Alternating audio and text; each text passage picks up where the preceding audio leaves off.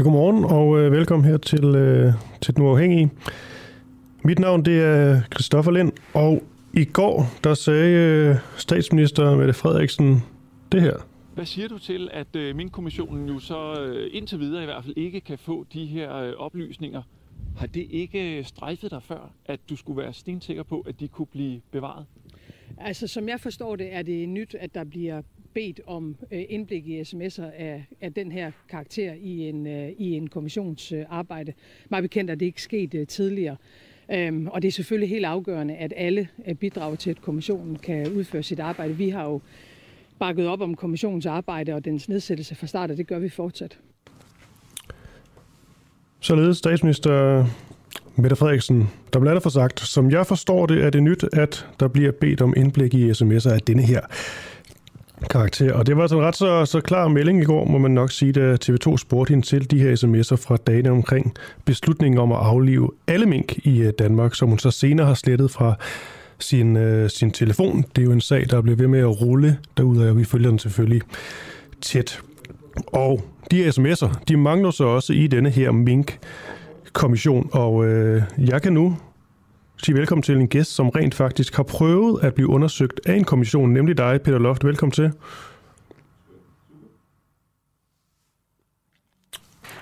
Og øh, vi skal lige have Peter Loft med helt.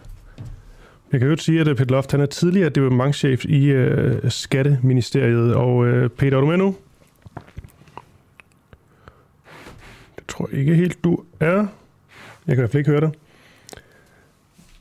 Men øh, Peter Loft, kan jeg så lige sige, han, øh, han vidnede i 2013 i Skattesagskommissionen, hedder det, hvor han var under mistanke for at overskride sine øh, begrænsninger, og derudover udøve magtmisbrug på vegne af daværende skatteminister Troels Lund Poulsen, da skat de skulle behandle Helle Thorning og Stephen Kinnocks skattesag i sensommeren 2010. Og øh, i den forbindelse, der gav øh, Peter Loft altså samtykke til, at hans øh, mobil den blev undersøgt. Og ved den her undersøgelse, der blev der fundet en øh, sms-korrespondence. Det gjorde der mellem ham og netop Troels Lund Poulsen om det møde, som øh, Peter Loft han, øh, blev, øh, blev afhørt om. Nå, Peter Loft, så tror jeg, det, så tror det lykkes. Ja, det gjorde det. Godmorgen. Godmorgen. Øhm, nu fik jeg lige spillet det her lille klip med Mette Frederiksen øh, fra i går, men lad os bare øh, kaste os øh, direkte ud i det. Er det nyt for dig, at man kan blive bedt om at udlevere sms'er i forbindelse med en, øh, med en kommission? Nej, bestemt ikke. Altså, som du selv var inde på, så øh, fik jeg udleveret nogle af de sms'er, jeg havde sendt, både mens jeg var departementchef og mens jeg var hjemsendt, som jeg jo blev der i forbindelse med skattesagen. Øh, Øhm, så jeg vil sige, en sms er vel ligesom alt andet foreliggende materiale, noget man, man skal fremlægge. I hvert fald, hvis øh, kommissionen beder om det, så, så der er ikke noget nyt i det for, mit, for mit vedkommende. Mm. Peter Loft, nu fik jeg lige givet sådan lidt øh, baggrundsinfo omkring dig, mens at, øh, men du lige fik dig, fik dig med på linjen her. Men vil du ikke lige selv med dine egne ord lige fortælle øh, mere omkring, hvad der skete, da du blev, ud, ud, øh, ud, undskyld, da du blev bedt om at udlevere de her, de her sms'er? Jeg kan ikke huske den nøjagtige måde, men altså, der sker som regel det, at man ret hurtigt, øh, eller meget kort tid efter, at det besluttede at nedsætte en kommission, så bliver man sådan koblet sin egen øh, e-mail, eller man kan sagtens bruge den, men du kan ikke ændre noget som helst tilbage i tid. Og øh, hvordan det lige præcis var med sms'erne, det kan jeg ikke huske, men på et eller andet tidspunkt fik jeg at vide af, af kommissionen, at den nu ville gennemgå, hvad jeg havde liggende af sms'er, og så var der en eller anden medarbejder, som ville øh, frasortere alt det, der havde privat karakter, som var irrelevant. Men det, som kunne være relevant for, for kommissionen, det ville blive ja, printet ud, går jeg ud fra, og, og givet til, til kommissionen. Og hvad var Nogenlunde en... den samme procedure. Ja. Undskyld. Nej, jeg spurgte... Ja, det er den samme procedure, der bliver anvendt på alle mulige andre uh, former for, for materiale. Ja, jeg vil bare spørge dig, Peter Loft, hvad sådan din, øh, dengang, du kan huske, hvad din umiddelbare re- reaktion var til, at du, de skulle udleveres?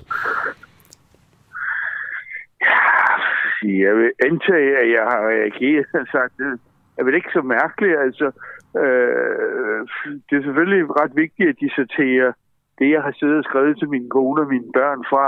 Men det, som, som havde relevans for, for sagen, altså om det findes på, på mail eller på sms eller på papir, det der synes jeg egentlig var ret irrelevant. Så, så det kom ikke helt bag på mig. Mm. Og jeg havde det ikke noget særligt faretroende liggende, så det var ikke noget, jeg tænkte så farligt meget over. Men det er bare fordi, jeg tænker, der må der også være et eller andet sådan et... Øh kunne jeg bare forestille mig noget grænseoverskridende ved rent faktisk at skulle, øh, skulle udlevere noget, som man jo, selvom det er i arbejdsøje med, ja, altså, også ser lidt privat.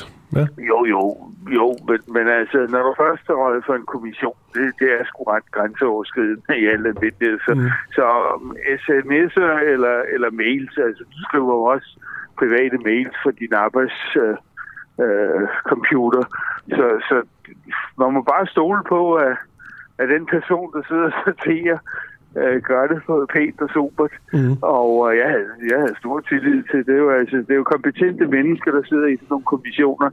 Så hvis de mener, at noget er, er relevant for deres arbejde, så havde jeg ikke grund til at sidde og vurdere, om de nu var ude på at genere mig, eller hvad de var. Jamen, grund til, at jeg også lige stiller det her, det her spørgsmål til dig, Peter Loft, det, det er jo ligesom fordi du selv, som du nævner, har prøvet at blive undersøgt af, af en kommission. Og jeg har bare bemærket, altså det er jo ikke fordi, jeg er imod det her, selvfølgelig skal det undersøges, men det er bare interessant, når man får lov øh, ligesom til at få indblik i at se nogle af de her sms-korrespondancer, der så er fremme. Altså, jeg synes på en eller anden måde, det er sådan lidt øh, lille smule grænseoverskridende at få lov til at læse med på den måde, og man ser, hvordan Barbara Bertelsen, hun bruger blinkesmiley og, og den slags. Jo, ja, det, det kan jeg godt, men, men, men på den anden side, hvis det er den måde, man, man øh, udstikker ordre, fordeler ansvar, eller hvad det nu er, der er tale om i den konkrete sag, øh, så ville det vel være mærkeligt, at det var undtaget fra, fra undersøgelsen, blot fordi det var på en særlig øh, kommunikationsform. Så, og, og, og altså, når du først er nået så langt, at man har nedsat en, en undersøgelseskommission, øh, altså, de, de, de, de graver jo virkelig dybt. Om det så er dine personlige notater, så skal du sådan set også udlevere dem. Også selvom du har siddet og tegnet mærkelige mænd på det og skrevet af medlederen af en finke. Øh, så så det, det, det, det er bare vilkårene, og det tror jeg vel generelt, vi skal være glade for, fordi øh, hvis man ikke undersøger sådan nogle sager her helt til bund, så får alt foreliggende materiale med, så giver det anledning til sådan nogle øh, idéer om, om, at man nok har skjult et eller andet, og der ligger nok et eller andet øh, lusket bag, som vi aldrig rigtig fik undersøgt. Mm. Det var i hvert fald den holdning, jeg havde. Jeg synes, det var aldeles ubehageligt at være genstand for sådan en kommissionsundersøgelse. Men på den anden side, jeg kunne godt forstå formålet med det, og så må man arbejde med på linje, eller med, med på sagen så godt, som man nu kan. Mm. Og det er blandt andet at udlevere det materiale, der måtte være relevant for sagen. Og du tror også godt, at øh, statsminister Mette Frederiksen nogen kan forstå formålet? Det vil jeg tro. Hun har jo selv været med til at nedsætte kommissionen. Mm. Peter Loft, der er meget snak om de her, de her embedsfolk. Jeg skal bare lige høre dig sådan helt konkret. For de her embedsfolk at vide, at de ikke må slette sms'er eksempelvis? Øhm, altså, jeg ved ikke, altså, da, da jeg, dengang jeg var ansat, så var der sådan med jævne mellemrum, altså, når, når, når man øh, ved, først vedtog og senere hen ændrede offentlighedsloven, så var der sådan forskellige instrukser om, hvad må man og hvad må man ikke. Og øh, jeg tror ikke, at det vil komme bag på ret mange, at embedsmænd, at øh, en, en, en sms er en, kan være en, en sagsagt på lige fod med alt muligt andet. Altså om du, du skriver den på papir, sender den på mail eller sender den på din telefon, Øh, Øh, det er indholdet, der er afgørende for, om, om, om der er agtindsigt, om den skal gemmes og arkiveres og journaliseres og alt det der. Det er ikke kommunikationsformen. Det tror jeg sgu alle embedsmænd ved. Det er sådan barndomslærer. Mm. I forhold til dig selv, øh, Peter Loft, det her med at, at slette sms'er eller, eller e-mails eller, og, og den slags, er det, er det en praksis, du selv har, har benyttet dig af? Altså, jeg rydder op, rydder op og rydder op i mine e-mails, men øh, jeg anede faktisk ikke, at man kunne slette sms'er. Det har jeg aldrig gjort. Det er ikke mit indtryk, de fylder særlig meget på min telefon. Men jeg prøvede sådan at holde orden på min, min computer, så der har jeg slettet en masse. Men øh, så vidt jeg ved, altså jeg, kun, kun sådan altså ligegyldigheder, som ingen interesse havde for noget som helst. Øh, altså, det er jo ikke sådan, man går rundt og tænker, øh, nu må jeg jo huske, at, at, at jeg kan komme for en kommissionsdomstol, så der skal det være med at slette noget. Men, men altså, det ligger jo sådan ret dybt i en, at, at ting, som er relevant for det arbejde, man laver, øh, det, det sletter man ikke. Hvis du får en eller anden sindssyg reklamemail, eller, eller jeg fik sådan nogle øh, uh, mails, som der, der stod i pressen den pågældende dag, dem slettede jeg selvfølgelig. De lå jo bare og fyldte. Men, men ting, der vedrørte sager, dem slettede jeg ikke. Og i øvrigt så havde jeg en, en sekretær, som altid sørgede for, at alt det relevante blev, blev journaliseret. Mm. Men, men altså, jeg erkender da også, hvis jeg sendte en sms, det var ikke helt så meget, man brugte det der for 10 år siden, da jeg stadigvæk var der, men hvis jeg sendte en, altså jeg har aldrig nogensinde fået sådan en journaliseret. Det kan godt være, at jeg skulle have gjort det nogle gange. Det var ikke, nu sagde jeg det andet der, var, var barnelærdom, at, at, uh, at man skal journalisere sms'er. Det, det ved de fleste formentlig også. Jeg tror ikke, jeg kender nogen, der havde nogensinde har gjort det. Mm. Men det vidste du ikke dengang? At man skulle journalisere dem? Mm. Jo, altså nu, jamen, jamen, altså problemet er jo ikke så stort. Man sidder jo ikke og skriver en, en, en, en uh, officiel afgørelse i en sms. Vel, det er jo sådan et chat, man, man, man uh, uh, sidder og sætter frem og tilbage. Og det vil som oftest være irrelevant for, for sådan den egentlige sagsbehandling. Men det kan jo være relevant for, for sådan en undersøgelse, som, som det, der pågår nu. Og, og, og der synes jeg, det er lidt sjovt at tænke over, at inden de der 30 dage var udløbet, var alle, folk jo allerede begyndt at tale om, at man skulle lave en undersøgelse. Så de har jo sådan set vidst, at de slettede dem, at det her kunne blive relevant senere. Ja, fordi det virker til, det du siger her, det er, at sådan noget som de her sms-korrespondancer, det er måske ikke noget, man tænker over, ligesom kan komme til at komme ud i offentlighedens øh, lys. Men i det, Ej, det, det tror jeg ikke, man gør. Men i det, at de så rent faktisk har valgt at, at slette dem, så, så tænker du, at de også har, har taget det skridt og tænkt, tænkt så langt? Nej, det ved jeg ikke. Altså, så konspiratorisk er jeg ikke. altså, det, det, jeg går ud fra, at de har haft en, en, en, en rimelig grund til at gøre, som de gjorde. Men at det er forkert, og at det måske i den konkrete sag var særlig våget, fordi man godt vidste, at der ville komme en nærmere undersøgelse. Det tror jeg ikke, man kan komme udenom. Mm. Her til sidst, øh, Peter Loft, bare lige for at slå det øh, fast en gang øh, for alle. Mette Frederiksen, hun sagde blandt andet i går, som jeg forstår det, er det nyt, at der bliver bedt om indblik i sms'er af den her karakter. Har Mette Frederiksen ud fra den udmelding så styr på reglerne? Altså, det kommer an på, hvor hun ligger i ordet af denne karakter, men, men nej, som udgangspunkt vil jeg sige, en sms er en, en, en akt som alt andet, og hvis, hvis en kommission beder om at få udleveret sådan noget, så ville det for mig at se være nyt, hvis man kunne, kunne nægte det og sige, nej, det er en sms, den vil jeg ikke ud med. Det var i hvert fald ikke det, jeg selv var udsat for. Mm. Og med det, Peter Loft, tidligere departementchef i Skatteministeriet. Tak fordi du lyder med på en telefon her til morgen. Det var så lidt. Ja, fortsat god dag. Hej. Hej. Du lytter til Den Uafhængige. Danmarks måske mest kritiske, nysgerrige og levende taleradio. Som politikerne ikke kan lukke. Mere end 3.000 medlemmer støtter os allerede, og jo flere vi er, jo mere og jo bedre journalistik kan vi sende ud til dig. Se hvordan du kan støtte os. Gå ind på duah.dk.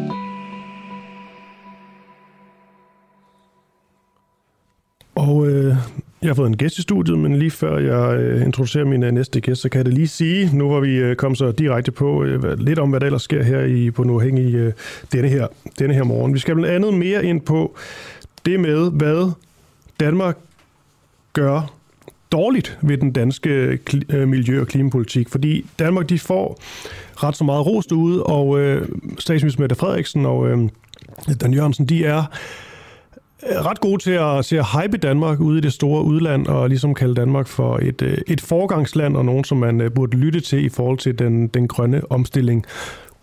Spørgsmålet er så bare, om øh, Danmark rent faktisk er et forgangsland, og hvorvidt øh, vi helt har styr på den her øh, miljøpolitik og gør de, de rigtige tiltag. Det har vi haft øh, fokus på hele denne uge på den uafhængige, og øh, vi slutter lidt det her segment i, øh, i, øh, i dag, hvor jeg har to forskellige øh, gæster med til at tale om det her. Blandt andet en fra, øh, fra, fra Klimarådet. Og så kan jeg også lige nævne, at øh, vi har Susan Crawley med fra Odense by, Byråd, som mener, at kvinder bør stemme på kvinder frem for mænd. Det er måske lidt øh, hårdt sat op, men det er altså, øh, så vidt jeg har forstået, det hun, øh, hun, hun mener. Altså simpelthen, hvis du, har, hvis du er ideologisk, ideologisk hedder det, enig med en, øh, med, med en kvinde, og valget så står mellem en mand og en kvinde, så skal du stemme på, øh, på kvinden. Og det er simpelthen fordi, at der er for få kvinder repræsenteret i, øh, i blandt andet øh, øh byrådet, og der er for få borgmesterposter bestredet af kvinder. Den snak, den, øh, den, tager, vi, øh, den tager vi senere. Fordi øh, der, hvor vi, øh, vi skal hen nu, det er til noget, noget, noget ganske andet i forhold til øh, skolebørn i Danmark. For er skolebørn, og her taler vi altså skolebørn helt ned fra, øh, fra 6, 7, 8, 9 år øh, gamle, simpelthen blevet for voldelige. Da jeg første gang lige hørte om denne her, øh, denne her historie, og så nogle tal på, på det her, der tænkte jeg godt nok, det lyder vildt i forhold til de her små søde poder, at de skal kunne være decideret voldelige, give trusler, slå, kaste efter ting efter, øh, efter lærer og, og andre autoritetspersoner. Men der er altså nogle tal på det. 86 procent af lærere har mindst én gang i løbet af et år oplevet at blive chikaneret. 26 procent har oplevet at blive troet med en genstand. 40 procent er blevet råbt af, og 15 procent er blevet troet med tisk. Og så er der altså 27 procent af lærerne, som har oplevet at blive skubbet eller sparket, og 35 procent at blive slået. Og øhm, det, som vi jo skal med her, det er, at volden mod lærerne ofte sker i det, man kalder for indskolingen. Christine Rinaldo, velkommen til. Tak skal du have. Du er lærer igennem øh, over 20 år. Ja. Og øh, har selv nogle øh, ja, faktisk konkrete oplevelser øh, med, øh, med det her. Så jeg tænker egentlig bare, at vi, øh, vi lige starter der, før vi tager det mere sådan, øh, større, brede perspektiv. Du, øh, du har været udsat for fysisk vold af en elev i indskolingen, og øh, det medførte også øh, flere måneders sygemelding. Er det rigtigt? Ja, det er rigtigt. Jeg er desværre en af statistikken der. Ja. Det er lidt ærgerligt at være, kan man sige. Ja. Nu er det ikke fordi, vi skal gå sådan i uh, fuldstændig konkrete detaljer og sit navn på og alt sådan noget, men alligevel, det var i 2017, det her det, det fandt sted. Vil du prøve at sætte nogle flere ord på, hvad der, hvad der skete dengang? Ja, det kan jeg godt. Altså, det var faktisk i oktober måned i 2017. Øhm, mm. Men der er en masse måneder, der leder op til det her, hvor der er personaleudskiftning i mit team. Øhm, og i, det her, i den her børnegruppe, der er en flok drenge, som er særligt udfordret. Men der er specielt en lille fyr, som har det rigtig svært i den her periode, og der har han for de ukendte voksne, det er ikke så godt for ham. Så jeg var den eneste kendte voksne, han havde, så jeg var på hele tiden. Så jeg tog ekstra timer, og jeg var også øh, gårdvagt hele tiden for at ligesom få dæmpet gemytterne. Der var et meget højt konfliktniveau, øh, og der var meget grimt sprog. Øh, og jeg var blevet troet flere gange i den her periode, men der var en dag, hvor det gik helt galt. Øh, og øh, det var ikke nogen dag, som var sådan anderledes end de andre dage. Øh, jeg tror, det der sker, det er, at jeg vælger ikke at gå ud og være gårdvagt. Jeg brugte 10 minutter på at spise min madpakke. Øh, og så gik det helt galt efter det. For så havde de en højere, et højere konfliktniveau, og de var ind i en slåskamp, jeg skulle ud og redde trådene ud af. Og det her det drejer sig om 7 drenge. Så det er ret mange. Det er en meget stor gruppe i en klasse. Mm. Så øh, da vi kommer op for frikvarteret, så øh, går det helt galt. Øh, hvad hedder det? Altså, det, det der sker, det er, at, at jeg øh, prøver sådan at få de her drenge skilt ad, og de, øh, de er rigtig uvenner, og de kalder hinanden nogle rigtig grimme ting, og der er også en dreng, der får sparket mig. øh, ved et uheld, og jeg prøver sådan at skille med, og så da vi kommer op, så prøver jeg at skærme den her dreng, som er blevet ekstra sur, og det lykkes faktisk overhovedet ikke. Altså, jeg prøver at sætte mig og få klassen ind, og så siger jeg, nu starter vi lige helt stille og roligt med en dejlig lille skriveøvelse, det plejer den her klasse godt at kunne lide, og det vil, det vil de ikke. Altså, jeg prøver at få, få alle, alle til at være sådan lidt stille, og så øh, beder jeg også den her dreng om at komme hen og gå i gang. Jeg har sådan en rolig skammel, jeg ruller hen foran hans bord, og det vil han slet ikke. Altså, han begynder at sparke mig under bordet, losser mig over skinnebenet, det gjorde sindssygt. Mm. Men jeg siger ikke noget til det, for jeg prøver at lade være med at konfliktoptrappe, og han, øh, han reagerer på det så voldsomt lige den dag, at han rejser sig op, og så får jeg en kæmpe lammer på min ene skulder. Og det bliver jeg virkelig forskrækket over, så jeg får rejst mig op og skubbet min rulleskammel væk. Øh, og de andre børn blev også enormt forskrækket, og så spytter han mig i ansigtet. Så, og så står man han jo ud af klassen, for han er jo blevet rigtig ked af det. Mm. Men det blev jeg også. Og jeg skulle prøve at få ro på, og de begynder at råbe op nogle af de andre børn, og de bliver jo også forskrækket, og det hele det er totalt kaos. Øhm, og jeg får taget det her snotte af ansigtet, og jeg har sindssygt ondt i mine skuldre. Det kan jeg bare huske, jeg har virkelig ondt. Han har virkelig fået ramt mig rigtig godt.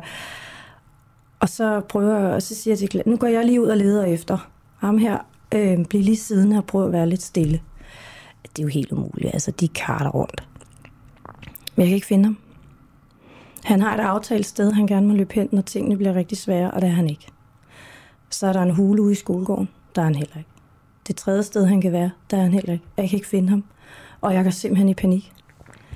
Og det jeg så gør, det er, at jeg går ned på kontoret for at få noget hjælp. Og jeg er altså efterladt 26, skal man lige vide, mm. i 2. og 3. klasse.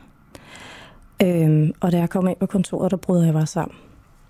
Og det gør jeg, fordi jeg ikke kan finde den her dreng. Jeg er simpelthen så bange for, om han er løbet ud på en stor vej og blevet kørt ned.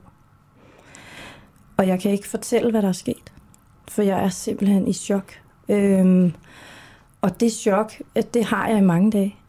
Jeg, jeg kan næsten ikke fortælle sammenhængende, hvad der er, der er sket. Mm. Og det synes jeg var rigtig uhyggeligt. Og øh, jeg bliver taget hånd om, og jeg bliver sendt hjem i en taxa. Men jeg får aldrig at vide, om de har fundet drengen eller ej. Selvfølgelig fandt de ham mm. ikke, men jeg fandt ikke ud af før efter 14 dage, om de fandt ham samme dag, og hvad der var sket mm. med ham. Og det fyldte rigtig meget. Og jeg var også bekymret for, hvem var egentlig gået op i min klasse for at lande de andre børn. For alle børn var jo i chok. Mm. De havde aldrig set mig være så meget ud af den. Og så voldsom en episode havde der alligevel heller ikke været før. Mm. Og hvem landede dem? Så jeg havde simpelthen sådan et tankemøller, og det var rigtig ubehageligt. Øhm, og jeg var i chok og krise i lang tid over det her. Altså, jeg tror, det gik tre uger, før jeg sov. Så, så det er jo ikke bare det her med, at der er et barn, der sparker på en. Det er jo også, øh, hvad der sker bagefter. Har du sådan, at det selvfølgelig har du tænkt meget over, hvad, hvad der skete, og øh, dine reaktioner og så videre, men i forhold til lige denne her situation, det er selvfølgelig virkelig voldsomt øh, ja. at blive slået og spyttet på på sin, øh, på sin arbejdsplads. Men hvorfor tror du, at, at det her det gav dig så stor et chok og så stor en, en, en reaktion? Fordi jeg gennem en rigtig lang periode på over et halvt år havde været rigtig presset. Mm. Og jeg havde været nede flere gange og bedt om hjælp og havde jo ikke fået den. Altså, det var jo meningen, at vi skulle have været to lærere på i alle timer i den her klasse, og jeg var alene. Mm. Og hvor gamle er, nu nævnte de her drenge, der, der slog sådan... 8 år. 8 år, ja. Ja, så det er jo rigtig små børn. Og når små børn slår, når små børn løber tør for ord, så er det fordi rammen presser dem rigtig mm. meget. Børn er jo ikke onde. Og børn går ikke i skole og tænker, i dag skal jeg slå på min lærer. Det tænker de ikke alle børn tænker, at de hver dag vil gøre det bedste, de kan. Og hvis vi voksne ikke formår at stille den ramme op, så de kan lykkes i den, så går det galt. Mm. Og det formåede vi ikke på skolen den dag. Og det formåede jeg jo heller ikke. Men er det så også, at det du siger her, er det også en, øh, altså en kritik af, at der ikke blev taget hånd om det tidligere, men også sådan noget helt lavpraktisk konkret i, at øh, I burde have været flere lærere på? Eksempelvis, du skulle ikke have stået med det her alene. Jeg skulle aldrig have stået med det her alene. Men det er ikke en kritik af ledelsen. Det er en Nej, for det er jo også de midler, der er. Også det var de midler, der var. Ja. Altså, og man kan sige, det er en kritik af, at man ikke investerer i det her. Fordi inklusionsbørn har rigtig meget potentiale. Og jeg er sådan set ikke imod inklusion. Jeg er ikke imod, at vi skal rumme børn i folkeskolen, som har særlige udfordringer. Men jeg vil rigtig gerne stille spørgsmålstegn ved, hvordan det er, at vi skal kunne lykkes i det, hvis man ikke vil investere og ikke tænker, at de her børn er en investering værd. Mm. Det vil jeg gerne stille spørgsmålstegn ved. Der har været en øh, Folketingets undervisningsudvalg, de havde i onsdags en høring om det her problem på, på, på Christiansborg. Ja. Og øh, der blev blandt andet lagt rigtig meget fokus på en undersøgelse, der viser, at det her med chikane, trusler og, og ja, vold mod lærere, altså ofte sker i, i indskolingen. Ja. Det kan sådan udefra være lidt svært at forstå, fordi når man tænker på en 7-8-årig, så tænker man altså meget sjældent, tror jeg, på, på vold mod, øh, mod en autoritet på den måde. Ja, men de her børn der, børn, der gør sådan noget, er virkelig presset. De handler i afmagt.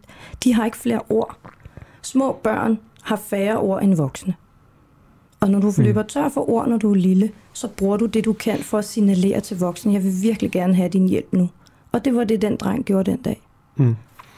Det var det, han fortalte mig ved at slå og spytte og sparke på mig. Så er der også den snak om, hvordan man ligesom skal definere, hvad, hvad vold er. Øhm, det er jo ikke for på nogen måde at, at, at sige, at det, der skete med dig, ikke var, øh, var, var tragisk på mange måder, og, mm. og selvfølgelig kan være en, en, en dybt øh, traumatisk oplevelse. Men jeg tror bare, mange vil tænke, at der alligevel er forskel på, hvad en 8-årig sådan rent fysisk skal gøre ved en, og så lad os sige en fra, fra din klasse, der, er, der er fuldt udviklet. Det er du ret i. Og ja. det, som jeg kalder heller ikke det, der skete for mig som vold. Jeg kalder det en meget ulykkelig hændelse, hvor der var et barn, der reagerede alt for voldsomt. Mm. Det er det, jeg kalder det. Men det var jo så grænseoverskridende handling for mig som person, at jeg reagerede mm. på det. At jeg fik jo stress af det. Jeg gik i chok. Mm. Øh, min psykolog sagde til mig, at det svarer til, at du har været med i trafikuheld eller i krig. Det var sådan et chok, min krop fik. Og så kan vi jo kalde det, hvad vi vil, hvad barnet gjorde. Men min reaktion var jo, at min krop gik så meget i chok, som hvis jeg havde været med i trafikuheld mm. Og kommet alvorligt til skade. Det synes jeg var meget voldsomme ord. Og da hun sagde det, så kunne jeg jo bedre forstå, hvorfor at jeg ikke bare kunne komme videre. Ja. Hvorfor det faktisk tog så lang tid for mig, men også, at det var okay. For jeg tænkte jo også, jamen det er jo bare små børn. Og det er det også. Men det er små børn, der er i krise, og er i kæmpe vanskeligheder. Og det kan vi da ikke bare sidde og kigge på. Men det var det, der skete. For spørgsmålet er vel også om, nu siger du, du ikke vil definere det her, eller kalde det, kalde det for vold. Det måske, du ikke gider at putte den her term på, men, mm. men alligevel også, øh, nu nævnte du den ene situation, men du nævnte jo også at blive øh, sparket under bordet, og hårde spark, og, og, ja. og, og så videre.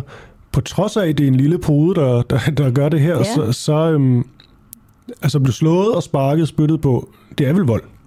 Ja, det er det jo, hvis det er en voksen, der gør det mm. på, altså mod dig på gaden, så bliver det jo karakteriseret og defineret som vold, og det er også derfor, vi bruger de ord. For det er voldsomt. Og det må ikke ske, men det gør det, og det sker dagligt derude.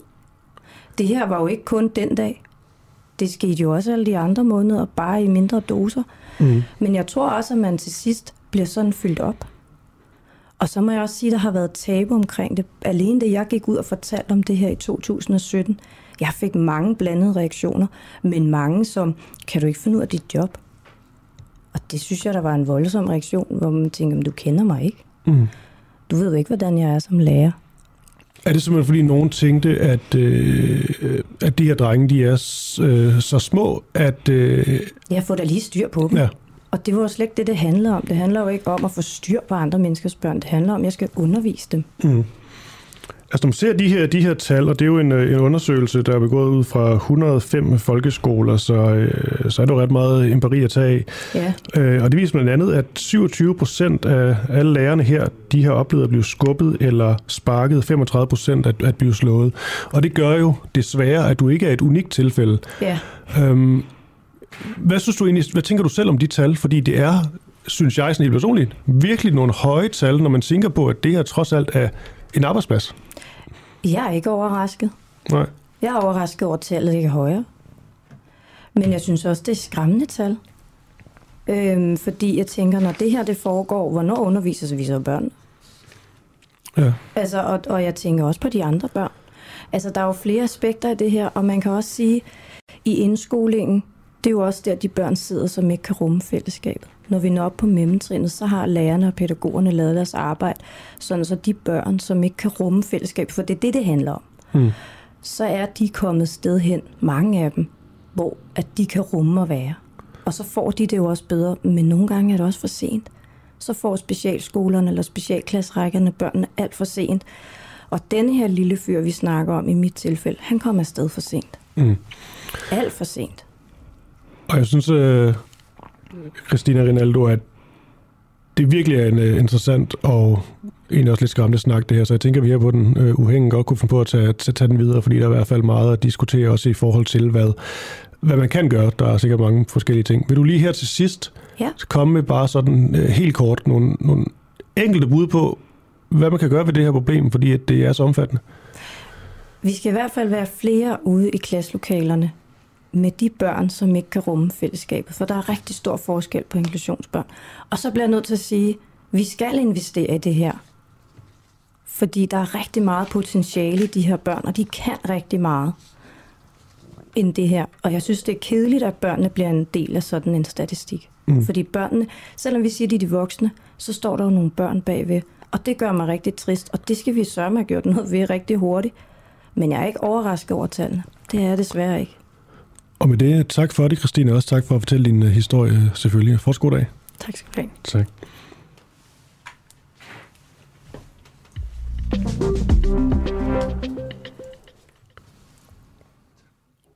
Er den danske klimapolitik øh, forfejlet? Det er noget, vi har set på hele den her uge på, øh, på Den Uafhængige. Og i dag, i anledning af, at det er blevet fredag, så runder vi det her tema om øh, regeringens øh, måske forfejlede klimapolitik af. Og øh, kort fortalt, så er det sådan, at øh, Mette Frederiksen og Dan Jørgensen, de, øh, de skal til Glasgow for at deltage i FN's klimakonference. Den hedder COP26. Øh, og her der har man kunne høre på, øh, på CNN statsminister Mette Frederiksen berette om Danmarks fantastiske klimaindsats, men uden at blive mødt af kritik. Det synes vi selvfølgelig øh, var nærkelæggende at prøve at gøre, altså simpelthen øh, give Mette Frederiksen og Dan Jørgensen lidt, øh, lidt modspil. Øh, og øh, vi har forskellige stemmer på i, i løbet af ugen, og øh, nu kan jeg sige velkommen til en, øh, til en ny stemme, og øh, det er en, der også har lidt magt på det område. Du er i hvert fald øh, formand for, øh, for Klimarådet, Peter Mølgaard. Godmorgen. Godmorgen. Lad os bare starte lige på hårdt, Peter. Hvad er dårligt ved den danske klimapolitik? Jamen, øh, altså, det, det som Klimarådet skal, er jo at vurdere øh, klimalov, hvad hedder det, klimapolitikken i gang om året. Og vi er lige kommet her i onsdags med en kommentering af regeringens klimaprogram. Og der er øh, ting, som vi finder positive faktisk, men der er jo også ting, som vi synes er... Øh, øh, vi, skal, vi, vi kan og skal kritisere. Og øh, noget af det, som øh, vi har kigget på i, i øh, regeringens klimaprogram, som kom for en måneds tid siden, øh, det er, at i regeringen jo i klimaprogrammet har vurderet, hvor lang tid der går fra politisk beslutning til fuld implementering af forskellige teknologier. Og så er det ligesom angivet et øh, interval, øh, og hvornår, hvornår man senest skal gøre noget for, at det kan nås. For eksempel sådan, at vi får effekt af det i, i 2030. Øh, og øh, i de specifikke køreplaner for, hvornår der senest bør træffes en politisk beslutning, så har vi øh, jo kritiseret lidt, at det er ofte er de mest tidsoptimistiske skøn, der anvendes. Øh, som et eksempel så for, vurderer regeringen, at, øh, at det, der hedder fangst og lagring af, af CO2, altså CCS, Carbon Capture and Storage, det har en øh, omstillingshastighed på, på mellem 5 og 8 år. Og, og tilsvarende for det, der hedder Power to X, øh, så er omstillingshastigheden øh, 6-8 år. Og så laver regeringen i sin køreplan, øh, så laver den øh, en, en køreplan, der ligesom tager det seneste beslutningstidspunkt for CCS i, i 2025 og, og for Power to X i 2024. Og det vil sige øh, 5 og 6 år før 2030-målet. Og det mener vi er, er øh, for sent øh, til at opnå det fulde potentiale, hvis, øh, hvis øh, øh, regeringens mere måske realistiske og tidspessimistiske skøn bliver til virkelighed. Mm. Det er for sent, siger du? Ja, altså i hvert fald er det meget optimistisk at tro, at man kan, man kan få de her teknologier ud og, og virke. Altså to nye teknologier, som vi endnu ikke har set fungere i stor skala, og som kræver nogle store investeringer. Og tror man øh, fem eller seks år før, at det skal virke i jo senest i 2030, at, at de kan være sat øh, øh besluttet og, og også sat i spil, det, det mener vi er øh, noget optimistisk. Og øh, nu er du formand for, for, for Klimarådet. Mm. Det betyder jo også, at I, uh, I selvfølgelig uh, er i snak med, uh, med ja, de danske politikere, regeringen og, og så videre, men, men som, det, som du også næsten kan høre her, så, uh, så behøves Klimarådet og uh, regeringen jo ikke at være, være, være enige. Så vil du ikke lige sige, bare sådan helt konkret, hvor at Klimarådet og regeringens øh, øh, klimapolitik, den, den adskiller sig mest markant? Jamen lige nu er der jo, og på det vi, vi udgav i, i, i øh, onsdags, der er der to ting. Altså det ene, af det de har lavet, det er, øh, øh, at vi, vi, vi mener, øh, at regeringen burde bruge nogle mere tidsrealistiske skøn. Øh, og hvis man gør det, så burde det seneste beslutningstidspunkt for, for de her nye teknologier øh, være senest i 2022. Og, og, øh, så det er den ene ting. Og den anden ting, som vi, vi savnede øh, gevaldigt i, i øh, regeringens... Øh, øh, øh, klimaprogram øh, fra øh, Klimaprogram 2021, det er øh, 2025-målet. Vi har jo et, øh, mm. en ambitiøs klimapolitik i, i, i Danmark med et øh, 2025-mål på mellem 50 og 54 procent reduktioner af drivhusgasudledninger siden øh, 1990. 70 procent i, i øh, 2030 og klimaneutralitet senest i i 2050. Og der er det, det, her, det første mål, det er næsten fraværende i, øhm, i regeringens klimaprogram, altså 2025-målet. Øhm, så, så der er det, at vi, vi siger, at det kunne vi godt have tænkt os at, øhm, at se øh, sådan, hvad hedder det, mere foldet ud. Øh, og det er jo faktisk det mål, der ligger tættest på, så det ville være rart, at vi at, at måske også, at regeringen ligesom koncentreret energien om, om, om de tætte mål. Og så er det jo også fordi, at vi mener i Klimarådet, at, øhm, at hvis vi når øh, 2025-målet på 50, mellem 60 og 54 procent, og, og jo gerne så tæt på 54 procent som muligt, så vil det også være øh, nemmere for Danmark at opleve op til, til 70 procents målet i 2030 og klimaneutralitet i 2050. Så det er et af de steder, hvor vi siger, at, øh, at der ville vi gerne have set øh, en mere øh, konkret politik på den korte bane. Men kan I i Klimarådet gøre noget som helst, når regeringen de, øh, de siger, vi har, vi har lyttet, men vi er ikke enige, vi gør det på, på, på vores egen måde? Har I så noget at sige der? Jamen det har vi jo på den måde, men det er jo altså, kan man sige jo ikke, Klimarådet står ikke over regeringen. Det gør, mm. det eneste, der gør det, er, er jo Folketinget, og, det, og der er der jo bygget ind i klimaloven en mulighed for Folketinget at at sige, at vi synes ikke, at, at klimapolitikken er tilstrækkelig. Så øh, der er jo bygget den her handlepligt ind i klimaloven, som siger, at hvis Folketinget, og det kan de jo øh, gøre på baggrund af analyser fra øh, Klimarådet eller andre input, hvis Folketinget vurderer, at, øh, at klimapolitikken øh, ikke er tilstrækkelig, så har de mulighed for at øh, pålægge regeringen en handlepligt. Mm. Er I sådan øh, grundlæggende tilfreds med regeringens øh, klima- og, og, og miljøpolitik, eller, eller fornemmer jeg en lille smule frustration også? Jamen altså, det er jo, det er jo vores rolle at, at, at, så sige, at være vagthund, og der, mm. har vi jo, øh, der, og det, der har vi jo påpeget i februar i år, at uh, vi ikke fandt, at det var en skulegjort, at regeringens klimapolitik ville sikre, at vi kunne nå 70 procent i 2030 for eksempel. Og det er jo en analyse, som vi kommer med igen til februar, den er skrevet ind i klimaloven. Og der har vi simpelthen en, øh, jo en lovbestemt rolle, hvor vi går ind og vurderer det her. Det er vi så i gang med, og man kan sige, at det notat, vi kom med, den, det vurderingsnotat, vi kom med i onsdags, er, er det første kvalitative øh, tag på, på den analyse, men der kommer en mere kvantitativ analyse, hvor vi har været dybere nede i de 200 sider, som regeringen fremlagde som klimaprogram. Men Ja. Øh, ja. Men undskyld, øh, Peter Mølgaard, øh, som formand for Klimarådet, når de så ikke lytter eller gør noget andet, er det så, tror du, på grund af økonomiske øh, årsager, eller, eller er det simpelthen fordi, at der også bare er lidt uenighed i forhold til, øh, til de politikere, øh, regeringen nu engang har, og så, så ja, i Klimarådet, altså i forhold til, hvad der er det bedste at gøre, når det kommer til, til, til klimaet? Øh, altså det, jeg kan se jo øh, på de... Øh, klimapolitiske pakker, der bliver vedtaget, det er jo, at de har et meget øh, stort flertal i Folketinget bag sig. Det, det synes jeg jo er en, det synes vi i Klimarådet er en styrke, at, at vi får brede politiske øh, tiltag. Øh, der kan man sige, at der øh, må, er det jo også, det var det, jeg prøvede at sige før også, at, at vi respekterer jo, hvad, hvad, hvad regeringen øh, og specielt hvad Folketinget beslutter på det her område.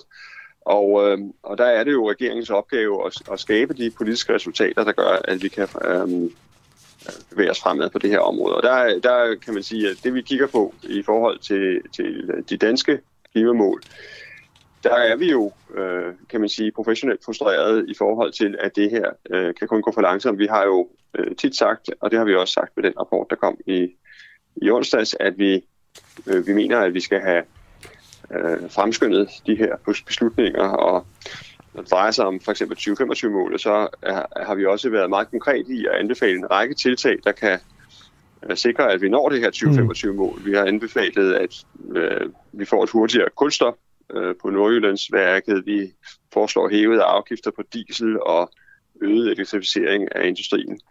Og der siger vi jo, at sådan noget som 2025-målet, det kræver en meget, meget hurtig handling. Mm. Og, og uh, der skal ske rigtig betydelig fremdrift i, i klimapolitikken i den nærmeste tid, for at vi kan tro på, at det uh, skal, lade sig, skal kunne lade sig gøre. Og så lige nu, så må du så bare håbe, at, øh, at regeringen de, de, de lytter. Men, men, men før det... Ja, øh, ja og jeg tænker regeringen og Folketinget jo. Selvfølgelig. Altså, det er jo, som, som ja. Peter Mølgaard, øh, jeg slutter lige øh, med et spørgsmål, som øh, ja, måske lidt, øh, lidt specielt. Men det er fordi, jeg taler med, med, med, med Aalborg Portland senere i dag om det samme. Mm. Øh, altså, hvad gør øh, regeringen dårligt i forhold til, øh, til klimapolitikken? Aalborg Portland, de, øh, de udleder meget CO2. Øhm, mm. Så vidt jeg har læst for frem til, så er det også den mest forurenende virksomhed øh, i Danmark. Hvis du som formand for Klimarådet lige skulle øh, stille et skarpt spørgsmål til Aalborg Portland, nu har jeg dem med, hvad skulle det så være, hvis du lige skal hjælpe mig lidt? Jamen altså, der er jo lavet en, en uh, politisk aftale mellem regeringen og Aalborg Portland, mm. og, øh, og, og, og det, man, det skarpe spørgsmål øh, kunne jo ligge i forlængelse af det, jeg lige har sagt, det er... Øh, jeg noterer nu. Øh, hvad Jeg noterer nu. Ja, okay, det er godt. Jamen det er, øh, hvor langt er de kommet med implementeringen, hvornår ser vi enige reduktioner, øh, for eksempel i form af øh, det, vi snakkede om tidligere, carbon capture and storage, som er jo en af løsningerne øh, i forhold til Aalborg Portland. Øh, hvornår ser vi enige reduktioner i udledning af drivhusgasser fra Aalborg Portland, øh, baseret for eksempel på øh, fangst og lagring af CO2? Det er, det er noteret.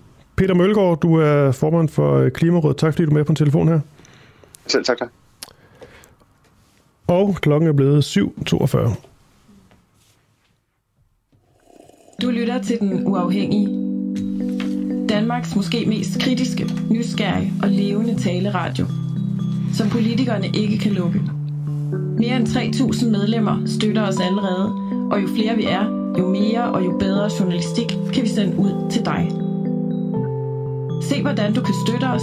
Gå ind på duah.dk.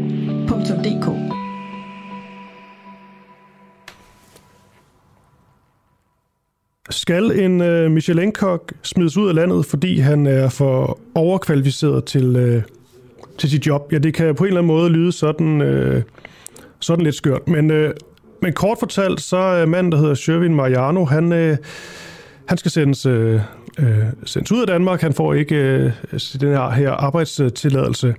Og det gør han simpelthen, fordi han er for dygtig. Ifølge Styrelsen for International Rekruttering og Integration, så kræver Shervins nuværende arbejde på en københavnsk restaurant, der hedder Sahida, nemlig ikke ansættelse af en person med særlige kvalifikationer. Og derfor er der simpelthen ikke behov for, at han bor her i Danmark. Det man kunne læse om i, øh, i Ekstrabladet, øh, det bliver blandt andet nævnt, at restauranten ikke tilbyder tilstrækkelig innovativ gastronomi på et højt niveau. Og så kan man selvfølgelig sige, det lyder som en sådan klassisk øh, farvelseshistorie, fordi hvorfor skal et godt menneske øh, forlade landet? Men på den anden side, så øh, kan man så sige, at den her restaurant, Sahida, at de vil gerne have en Michelin-stjerne, siger de. De har store ambitioner, men når man læser om restauranten, kan man altså ikke finde nogen sådan anmeldelser i de store dagblade overhovedet, og man kunne forestille sig, at det er lidt langt til den her Michelin-stjerne, så i virkeligheden kunne måske også argumentere for, at de har fået en medarbejder, en kok, som er simpelthen for dygtig til denne her øh, restaurant, og hvad den egentlig kan, og det potentiale, den, øh, den har. Det er, det er sådan øh, historien i, i, i grove træk. Altså, vi har simpelthen en Michelin-kok, som skal smides ud af landet, fordi han er for overkvalificeret til at arbejde for Sahida. Han siger selv, at de i løbet af de kommende år gerne vil gøre den her restaurant til en, øh, en restaurant, der kan få en Michelin-stjerne, altså en, øh, en toprestaurant. Det tror øh, myndighederne ikke på, så vidt øh, jeg kunne læse mig frem til. Altså, det er simpelthen sådan en... Øh, altså blandt andet sådan noget med, at Sahide-restauranten har, har takeaway på menuen. Øh, det, er et af, det er et af argumenterne for, at det her måske er en, øh, en, øh, en dårlig idé. Og jeg prøver lige at læse lidt op fra denne her, denne her afgørelse. Vi har lagt vægt på, at vi ikke finder, at den tilbudte ansættelse som kok sker på baggrund af dine særlige individuelle kvalifikationer, henset til, at det tilbudte arbejde ikke kræver særlige individuelle kvalifikationer for udførelsen af arbejdet. Vi finder desuden ikke, at den tilbudte ansættelse sker på baggrund af dine særlige individuelle kvalifikationer, i det den tilbudte beskæftigelse som kok ikke findes at være knyttet så tæt til dig som person, at andre kandidater med en tilsvarende baggrund ikke umiddelbart vil kunne varetage det pågældende arbejde. Og det skal lige siges, at Sherwin her han har arbejdet som kok i 15 år, har de seneste tre år lavet gourmetmad på øh, den Michelin-restaurant, der hedder Kin Kin, og nu er han så på denne her Sahida. Restaurants ejere de har sagt til øh, Ekstrabladet, at øh, Sherwin er den eneste, der kan varetage det her job, og at restauranten altså har de her store ambitioner. Spørgsmålet er så bare, om, øh, om det er rigtigt, at han er den eneste, der kan varetage det her job, eller om de dybest set godt kunne finde en anden kok, men bare gerne vil holde på Sherwin, fordi han er, ja, dygtig. Og jeg skulle gerne have Sherwin med på en telefon lige om et øjeblik, og jeg har ligesom aftalt med om, at jeg begik det her oplæg på, øh, på dansk, og så tager vi lige et par, par spørgsmål på, øh, på engelsk. Sherwin, Mariano. Hi, good morning. Good morning. Hi. Sherwin, uh, first of all, what skills do you have as a as a chef that make you uh, irreplaceable for the restaurant you currently work at, Sahida? Yeah, so basically, uh, I've been to Middle East for more than 10 years, and I work with a lot of uh, Pakistani Indian people. Mm-hmm. And as I've said before with the journalists, you know, so I have a chance and an opportunity to work with the with the chefs with Haba Michelin and some celebrity chefs. So they mentored me. So nowadays, I can say that uh, I have a lot of those knowledge that become from them, and I'm very thankful of that. And yeah, so so now I can I can see myself as a as a, how good, how good uh, qualified for the the work with Sahida, which is we're doing uh, Pakistani and Indian cuisine, and we want to put it in the next level. But you're set to leave Denmark uh, on November the eighth. Is, yes, that right? It is. Yes, right. Are you angry? Uh, uh, well, the thing is, uh, I'm a bit. Maybe, maybe if I'm alone, it's kind of mm. a bit more easy for me. But since I have my family here, so it's there's a lot of job to do, and of course my my daughter is studying. If we go home, it's the middle of uh, school again, so it's di- difficult for me now to find a hmm. school again for my daughter. And yeah, and uh, of course in Philippines nowadays it's not that good things for a while with this COVID case. Mm. So there, there's a lot of uh, restrictions still in Philippines. So for family wise, it's a bit difficult. The owners uh, of Sahida, they told Ekstrabladet uh, that you were planning to bring uh, Sahida closer to a Michelin star. Yes, actually. Oh, yeah. Uh-huh. Uh, well, at, at, least not the Michelin, at least a Michelin guide uh, that mm. we can be on that uh, list. And I can see that there's a good potential in Sahida. Imagine that there's no such as a modern Pakistani or Indian cuisine for a while in Copenhagen. So I want to uh, mix that authentic taste of uh, Pakistani Indian cuisine with the modern uh, twist. Hmm. But Shervin, I was just wondering why uh, uh, Sahida needs you so so badly. I mean, of course they they want you to work for them because you're a you're a great chef. Mm-hmm. But Sahida is not considered a top restaurant. I tried to find a review of Sahida in a Danish newspaper, but I couldn't mm-hmm. find a single one. Uh, so maybe you uh, you actually could argue that Sahida isn't at a level who matches your skills. Uh, uh, let's say let's say it's true. No, however, uh, as I've said, no, when when they go to Asahida, they're just starting. So at, at, the beginning, they have only eight seats, and now they have their own restaurant. So Sahida have a good potential, you know. But it's So, only course- potential at the moment, right? Yes, however, Yeah. of course, how are you going to go in that specific high level or high end if you're not going to start from the beginning? Everything with the high end restaurant is start from the small things. But but Shervin, with all your merits and all your uh, experience, it's it's still pretty hard for me to believe that you cannot find another job at uh, another restaurant here in Copenhagen. No, of course, of course, uh, perhaps I can. However, having having a, a Indian cuisine here in Copenhagen is like a good start. It's like if you want to be special or something else, or you want to be on top of that, you want to be at least the first one to do it, or perhaps the best one to do it.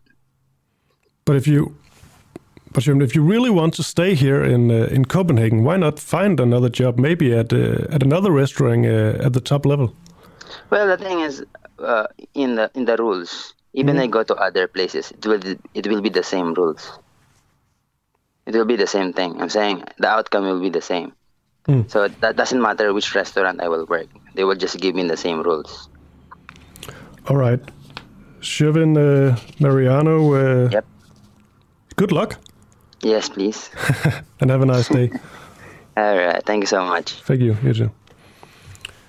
Således uh, Shervin uh, Mariano her, altså en uh, filippinsk kok ansat på restaurant Sahida. Han er altså på vej til at blive Øh, sendt, øh, sendt, lyder så voldsomt, men han skal tilbage til Filippinerne med, øh, med sin, sin kone og barn. Med mindre, så vidt jeg forstået, han, han får et, et nyt job, og det lyder også til, at det er en reel mulighed, at det er det, han gør, altså søger et, et nyt et job andet sted. Men øh, potentialet for at sige det tror han altså på, på, øh, på er der, og så ikke mere om, øh, om Sherwin for, for denne omgang.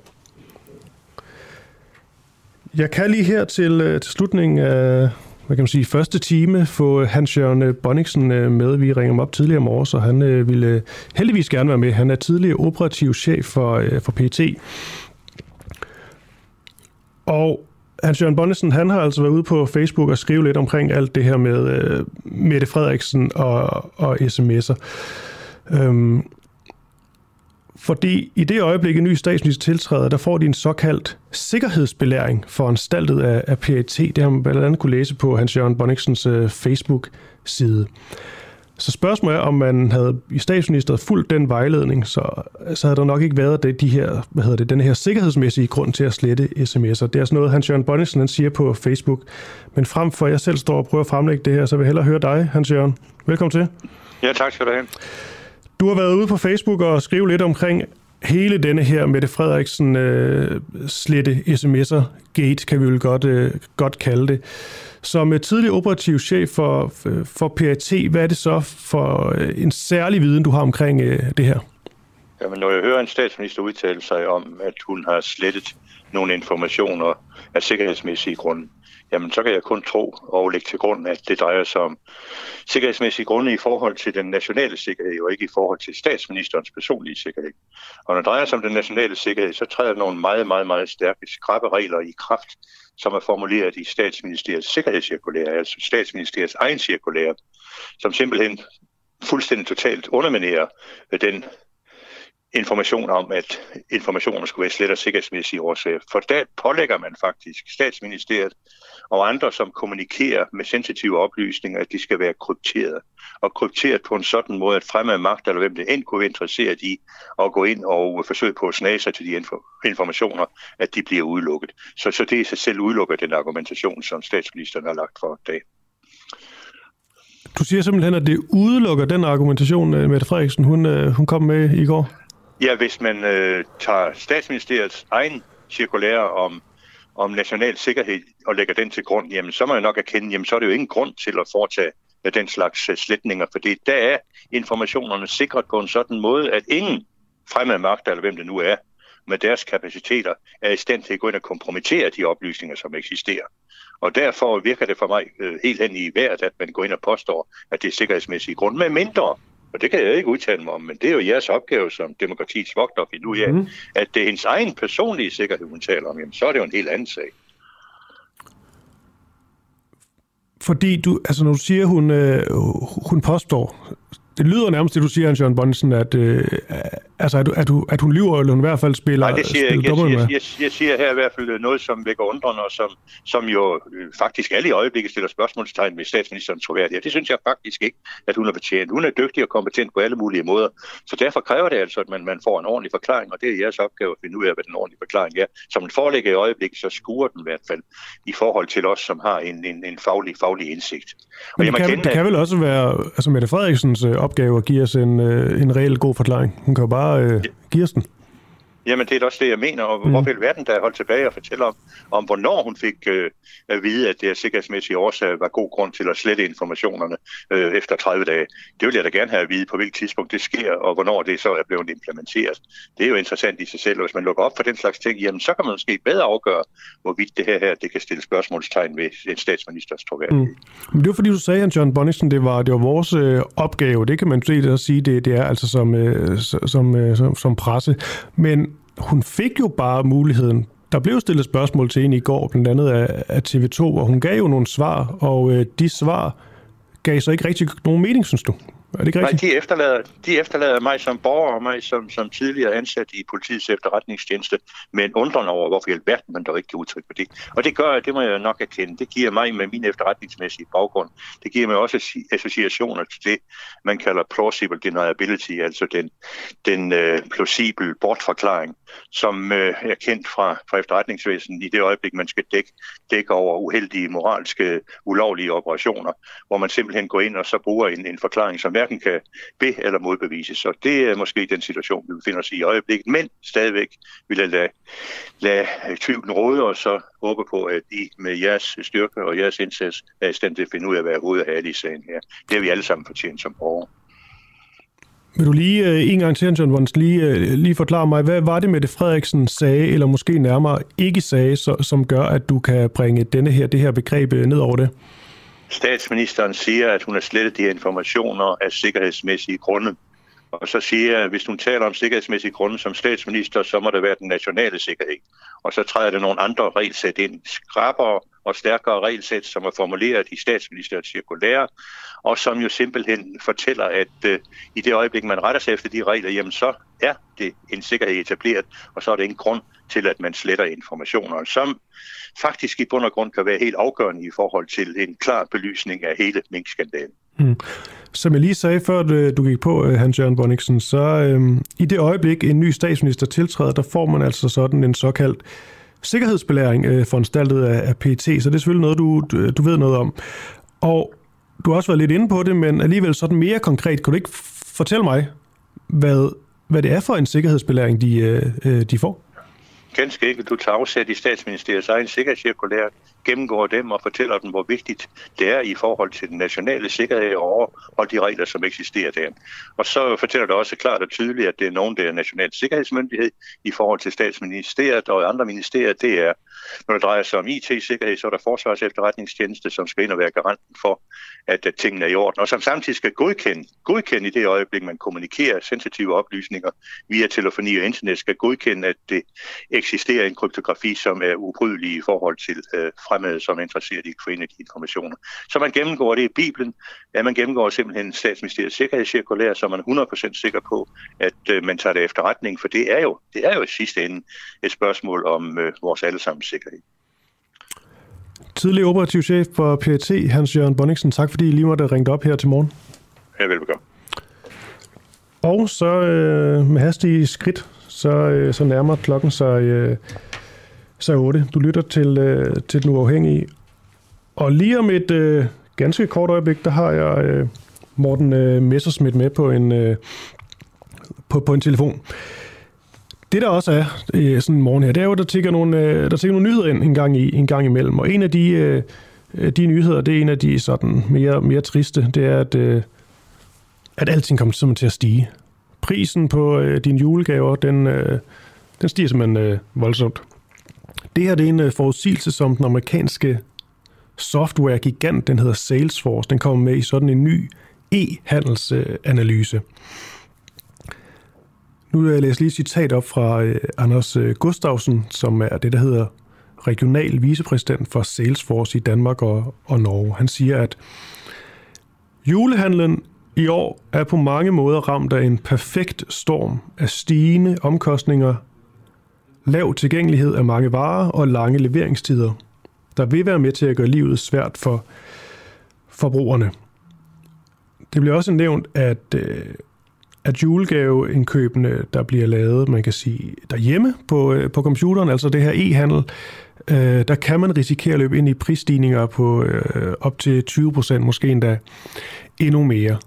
Og det er jo oven i en, øh, en anden rapport, man også kunne læse om, blandt andet i, i, i børsen for Danmarks Statistik, der viser, at, at, at, at prisen kommer til at stige også i det, detailhandlen. Så det virker bare til, at, de her julegaver, de bliver, øh, de bliver, de bliver markant dyre.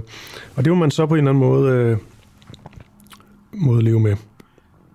En anden øh, nyhed, som, øh, som øh, godt nok stammer fra i går, men stadigvæk en af de, øh, de store nyheder, det er, at øh, Facebook, som øh, en stor del af danskerne er på, størstedelen af danskerne er på, den øh, kom til at, de kommer til at skifte navn.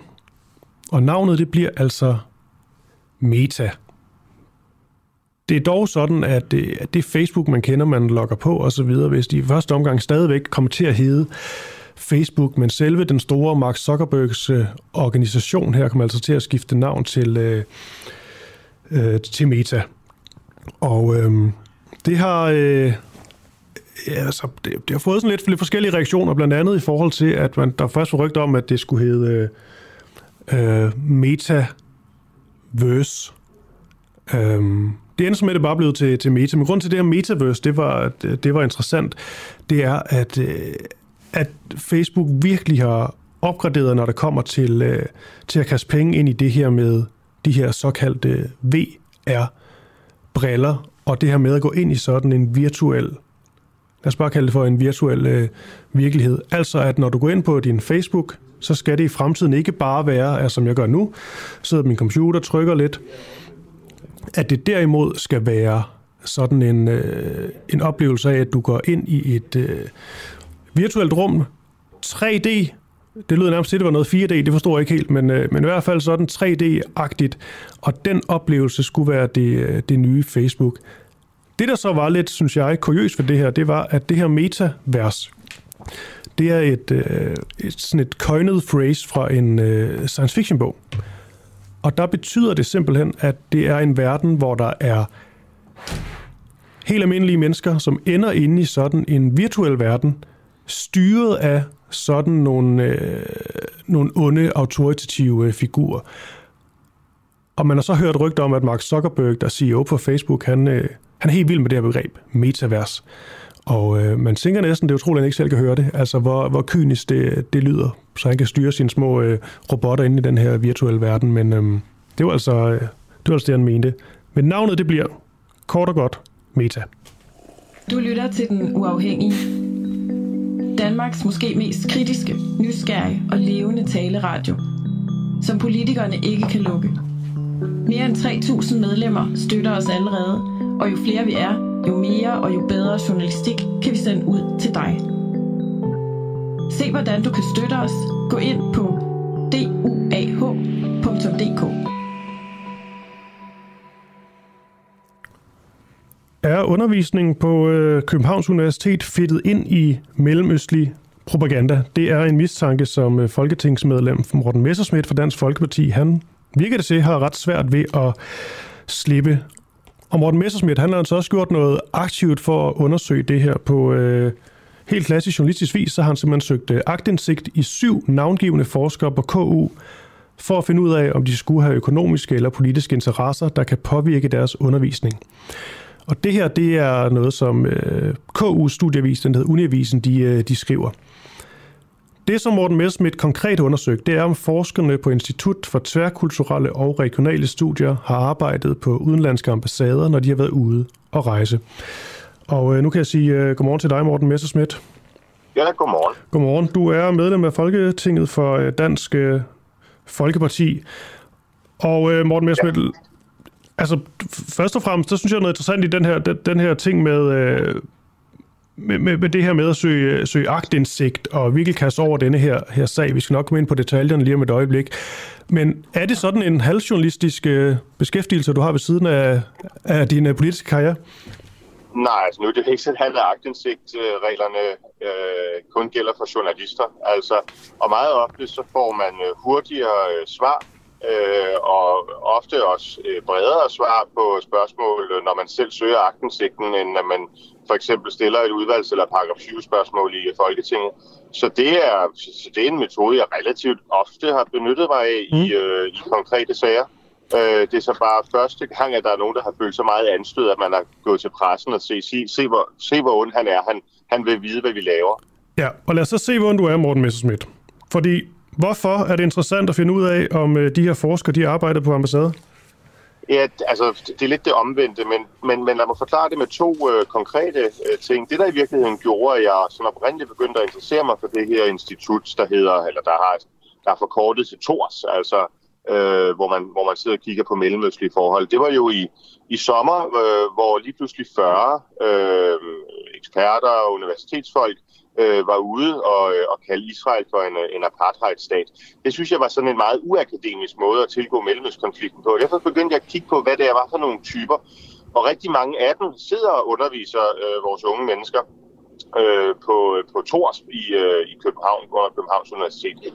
Og øh, så fik jeg en henvendelse øh, om, at øh, den tyrkiske ambassade havde haft i hvert fald et, måske to tilfælde af ansatte, øh, altså som var lønnet af den tyrkiske ambassade af, af Erdogans sympatisører, men som øh, fungerede som, øh, som undervisere på Tors. Og det mm. synes jeg jo var sådan lidt bekymrende. Og derfor så fik jeg den øh, nysgerrighed for, øh, hvor mange sådan ambassadeansatte har man egentlig bruger man egentlig på, på de danske universiteter? Altså har vi også kinesiske ambassadeansatte til at undervise ud på DTU? Øh, har vi russiske ambassadeansatte, der underviser i øh, geopolitiske forhold? Altså, fordi deres loyalitet er jo der, hvor de får deres løn, det er jo på ambassaden. Og det var derfor, det var ligesom det drivende for ja. min nysgerrighed fra starten. Hvor fik du denne her, øh, denne her henvendelse fra? Jeg kan ikke sige andet, end at det var en fra universitetet. Okay, men det du ligesom for øh, ligesom skært ud i pap, altså det du så frygter, Morten Messerschmidt, det er, at der kan for nogle undervisende blive ført sådan en form for øh, propaganda. Ja, altså nu propaganda er jo et stærkt ord. Der synes man, der tror jeg, at de fleste, de, øh, de tænker sådan øh, øh store avisoverskrifter, der er skæve og sådan noget. Altså det som er... En påvirkning så. Men, men, ja. ja, men altså noget, det der selvfølgelig er bekymringen, det er, hvis man har at gøre med en kultur styret af nogle forskere på Tors, som, øh, som, øh, som er meget politisk motiveret. Og det er jo der, hvor det kommer lidt i forlængelse af det, som Henrik Dahl og jeg øh, har arbejdet med på universiteterne øh, generelt. Øh, at, at når man øh, går på et dansk universitet, jamen, så bør man kunne have en forventning om, at, øh, at det man hører, det man får, det man læser, det i hvert fald er tilstræbt objektivt. Øh, og der kan jeg være bange, når jeg ser nu på, hvad der foregår på universiteterne. Og også, eller især på Tors her, men også det svar, jeg så har fået, fordi det er i virkeligheden meget, meget lidt, de så overhovedet har lyst til at oplyse. Og det synes jeg selv er bekymrende. Altså man ved simpelthen ikke, øh, om de øh, lærere, man bruger, som ikke modtager løn fra universitetet, om de er, øh, at de er aflønnet af udenlandske ambassader. Og det synes jeg, der er helt vildt, at man ikke har den øh, viden. Mm. Men jeg tror stadig ikke helt, jeg forstår, Morten Messmith, hvad det er, der, du ligesom, du siger, det der sker på, øh, på, på KU. Altså, hvad er det sådan konkret, der sker, som ifølge dig er, er, er bekymrende? Fordi lige nu virker det også til, at det er meget sådan øh, øh, indicie og moskéer og, og rygter. Ja, altså der er to ting i det. Øh, det ene det er, at der til synlædende iblandt ganske øh, mange centralt placerede forskere og undervisere på Tors er en meget anti-israelsk øh, tendens. Øh, og det, det mener jeg i sig selv er, er problematisk. Altså, de må selvfølgelig gerne mene, hvad de vil om, øh, hvad kan man sige, som privatpersoner, øh, men, men det skal jo helst ikke farve i, i undervisningen og give, give præg af det. Og så det andet, det er helt konkret det her med, hvor mange ambassadeansatte underviser i de danske universiteter. Altså øh, nu, hvis man ikke har fulgt med i, øh, hvad der foregår i Tyrkiet, og at den danske ambassadør netop er blevet erklæret non grata osv., osv., det i sig selv burde jo understrege, hvor, hvor, hvor, hvor problematisk det er at have tyrkiske ambassadeansatte altså ansat på, på, som, som underviser på, på et københavnske universitet. Men altså, så prøv at forestille dig, som jeg sagde før, hvis det var en, en, en kineser, Øhm, altså som en, et land, hvis regering og hvor landet er notorisk kendt for at begå industrispionage, hvis han eller hun var ansat som underviser på DTU, og der fik indgående kendskab til nye forskningsprojekter, og hvad ved jeg, altså tror jeg, at alle ville kunne se var et øh, problem. Og derfor må jeg bare sige, at jeg er fuldstændig målløs over for, at ministeren og universitetet ikke aner, hvad der foregår. Men Morten Messerschmidt, du siger, at det er bekymrende, øh, hvis tyrkiske ambassadearbejde de underviser på, på KU, korrekt? Er helt afgjort. Det, så Men har håber, du... også, du kan mm. Men har du nogen beviser for det? Øh, altså ikke andet, end hvad jeg har fået at vide af øh, min, øh, min kilde, hvis vi skal bruge journalistsproget. Men så kan, og, jeg, jo, og, så kan jeg jo godt, så kan jeg jo godt øh, give dig ret i, at det, det lyder sådan udenbart bekymrende, men hvis der ikke ligesom er nogen beviser på det, så er det jo også svært ligesom at, og, øh, på en eller anden måde at, at snakke videre om, eller at snakke om som noget konkret, for så er det jo ikke konkret. Men det er jo ikke, forstår slet ikke spørgsmålet. Altså, det, er jo, det er jo ikke mig, der er gået i pressen med det her. Det er jo Tors. Altså, det er jo, det er jo universitetsfolkene, der har ringet til Berlinske Tiden og sagt, uhu, der er et folketingsmedlem, som begynder at stille spørgsmål. Det er jo ikke mig, der går rundt og spreder indicier i offentligheden. Jeg har sendt en agtensigt øh, begæring til, til universitetet. Så, så, så, så jeg forstår ikke helt, hvad det er, du siger, jeg har gjort galt det er jo ikke, fordi jeg siger, at du har gjort noget galt. Du må jo sige lige, hvad du vil, Morten Messerschmidt. Øh, men, men jeg siger, jo, jamen, at, når, du, når, når du lufter en så, en så tydelig bekymring for det her, og ligesom nævner det her med, med, med tyrkiske ambassadearbejdere ikke skal undervise for, for KU, der er det jo også bare en, ja. en ret stor bold, der kaster op i luften, når du ligesom ikke har nogen øh, beviser endnu på det. Jamen, yes. I, ja, okay, men, men det er jo ikke mig, der kaster noget op i luften. Altså, jeg får en henvendelse, mm. øh, som en hver journalist, som et hvert folketingsmedlem kunne have gjort, og sagt, du skal være opmærksom på, der er en, måske to eksempler på, at Erdogans folk underviser danske studerende på universiteterne. Så siger jeg, what? Det kan jo ikke have sin rigtighed. Og så skriver jeg til universitetet og beder dem om at bede eller afkræfte. Og så svarer de tilbage og siger, det kan de overhovedet ikke bede eller afkræfte, for det ved de slet ikke noget om. Derefter så går de til Berlingske Tidene og siger, se hvor grim og dum han er, og så følger I op på det.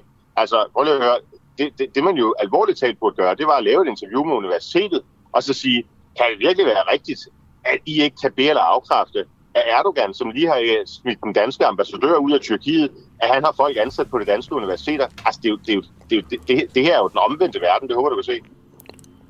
Du siger til, øh, til Uniavisen, Morten Messerschmidt, at du har de her øh, indicier, men også senere, så vidt jeg så læst mig frem til, ellers må du korrigere mig, øh, at du ved, at der har været brugt ansatte fra den tyrkiske ambassade til at undervise de, de studerende. Det er jo også mere den her retorik, jeg taler om, Morten Messerschmidt, altså i forhold til, at, at du ved, fordi det gør du jo ikke. Nej, altså jeg ved jo så meget, at jeg har navngivende personer, og jeg kan konstatere, at de er tyrker og så videre. Jeg vil bare gerne have universitetet til at bekræfte det. Mm. Og hvad er, din, øh, hvad er din forventning i forhold til, til, til alt det her, Morten Messerschmidt? Tror du, det kommer til at ske? Nej, jeg, jeg, tror, at øh, jeg tror, at det her det kommer til at eksplodere. Altså, jeg tror, at der kommer rigtig meget øh, ud øh, om, hvordan øh, tingene de kører på de her fakulteter, og man vil være lamslået øh, over at se, hvor, øh, hvor politisk inficeret mange af de her humanistiske institutioner eller institutter de er. Mm. Og lige det sidste opfindende spørgsmål her, Morten Messerschmidt. I forhold til det her, øh, til det her øh, denne mere søge, søge agtindsigt, og ligesom tage, tage denne her øh, sag på dig, er det noget, du, du gør for, for dit parti, Dansk Folkeparti, eller er det ligesom sådan en, du får en, en henvendelse, og så er det sådan en helt, en helt personlig undren, du gerne vil have, have svar på? Nej, det er ikke noget, jeg vender med mit parti på Christiansborg. Altså, jeg foretager mig jo ganske meget øh, i hverdagen, og det er jo ikke sådan, vi sidder og koordinerer det. Øh, nej, altså, jeg sætter de skibe i søen, som jeg synes øh, fortjener at blive sejlet i havn. Og som sagt, jeg øh, har søgt agtindsigt, altså multiple steder og gange. Øh, også i Danmarks Radio for eksempel, og øh, ja, i forskellige andre styrelser og myndigheder, simpelthen bare for at blive klogere. Det er bare første gang, at der er nogen, der har været så... Øh, så pikeret over det, at de øh, er gået i pressen, og så på den måde har givet anledning til, at min mistanke, mine hvad kan man sige, efterretninger, at de så lige pludselig skal frem i søgelyset. Okay. Det er ikke noget, jeg har et problem med, men så må jo også bare acceptere, at det er vilkårene, og det er præmissen. Mm. Så, så jeg synes, du skal prøve at ringe til uh, institutlederen uh, Smågaard Petersen, eller hvem det er, og så prøve at høre, hvordan det egentlig kan være. Øhm, få dem til at bede eller afkræfte, men høre, om det kan være rigtigt, at man kan have tyrkiske ansatte, folk, der er lønnet af den tyrkiske ambassade, uden overhovedet at vide det. Det synes jeg skulle være en stor historie. Det er modtaget. Så lad os uh, tale svinde, når du, uh, når du har nogle uh, svar, Morten Messersmith. Og tak fordi du lytter med her. Tom. Tak fordi du med os, morgen. Selvfølgelig. Hej igen.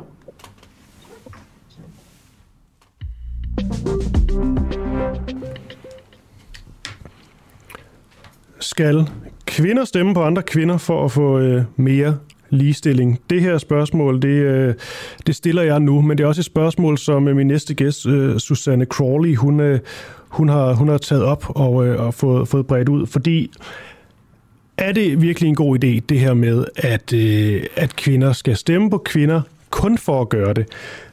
Det handler om, at der på landsplan kun er 14 ud af 48 borgmester, som er, er kvinde, og kun 7 ud af 29 byrådsmedlemmer i Odense Kommune er øh, kvinder, der hvor Susanne Crawley hun er, hun er fra. Og derfor så denne her debat altså, altså højaktuel, men øh, det er jo en klassisk debat om, hvorvidt at det her er en god idé. Er det det her med kvoter, det her med 50-50, eller hvad man nu kan sige, er det vejen frem? Fordi hvad nu hvis øh, en mandlig kandidat er bedre end en kvindelig kandidat, skal man så som kvinde stemme på den kvindelige kun for at gøre det. Det er altså den øh, snak, vi tager nu. Susanne Crawley, hun er rådmand og medlem af Odense Byråd for, øh, for Radikale. Og øh, det her, Susanne Crawley, det er noget, du har udtalt til, øh, til alt for damerne, hvor du altså foreslår, at kvinder skal overveje at stemme på andre kvinder, hvis man altså er ideologisk enige. Lad mig lige starte der, Susanne. Ideologisk enige, hvorfor er det vigtigt i den her sammenhæng? Nå, for søren. Det smukke er, når jeg står og laver sådan et, øh, et, et langt direkte oplæg og direkte spørgsmål, og ser man, at Susanne Crowley ikke er på på, øh, på telefonen. Men øh, jeg kan se, at de, øh, de kæmper med det ude i, øh, ude, i, ude i teknikken. Men jeg kan derfra lige læse lidt omkring øh, den her artikel i, øh, i Alt for Damerne, så vi øh, er sporet lidt med ind på øh, Susanne Crawley og hendes øh, holdning her. Susanne Crawley hun udtaler blandt andet, at det er nødvendigt lige nu, fordi status er, som den er. Når fordelingen så forhåbentlig har ændret sig, så synes jeg ikke, at vi har den samme forpligtelse. Men lige nu, ja, kvinder burde overveje at stemme på kvinder, hvis man altså er ideologisk enige. Og uh, Susanne, er du med nu? Ja, hallo. Godmorgen. Susanne Crawley, ja, det her med, øh, nu har jeg ligesom lavet et lille øh, godt oplæg, vi fik dig med på telefon her, og øh, jeg tror alle, alle er med, med derude på, hvad, hvad det her det, det handler om. Men jeg stussede mm. alligevel over det her med ideologisk enige. Altså, hvorfor er den del egentlig er vigtig? Øhm, jamen, det, det er jo fordi, det handler ikke om, at, øh, at man skal stemme på en kvinde, bare fordi hun er kvinde. Det handler om, at man skal gøre sådan nogle overvejelser, om ikke der på øh, partilisterne er en kvinde, som man synes, man kan føle sig repræsenteret af. Og derfor, hvis man er øh, socialdemokrat, så, øh, så kunne det jo være oplagt at kigge blandt socialdemokraterne, om der ikke er en kvinde, som man synes øh, repræsenterer en på de mærkesager, for eksempel, man synes er vigtige. Mm. Nu siger du i uh, Alt for damerne, at, uh, at det er jo, man kan sige, det er jo kun et forslag, men at, at kvinder, de uh, stemmer på kvinder, hvis muligheden er der, og man er ideologisk enige. Hvorfor er det, du ikke bare uh, går lige ud og siger, at uh, alle burde stemme på en kvinde? Hvorfor skal det kun være kvinder? Nå, det, det gør jeg sådan set også. Okay. Altså, jeg mener ikke, at det er øh, en, en kvinde øh, opgave at stemme på en kvinde.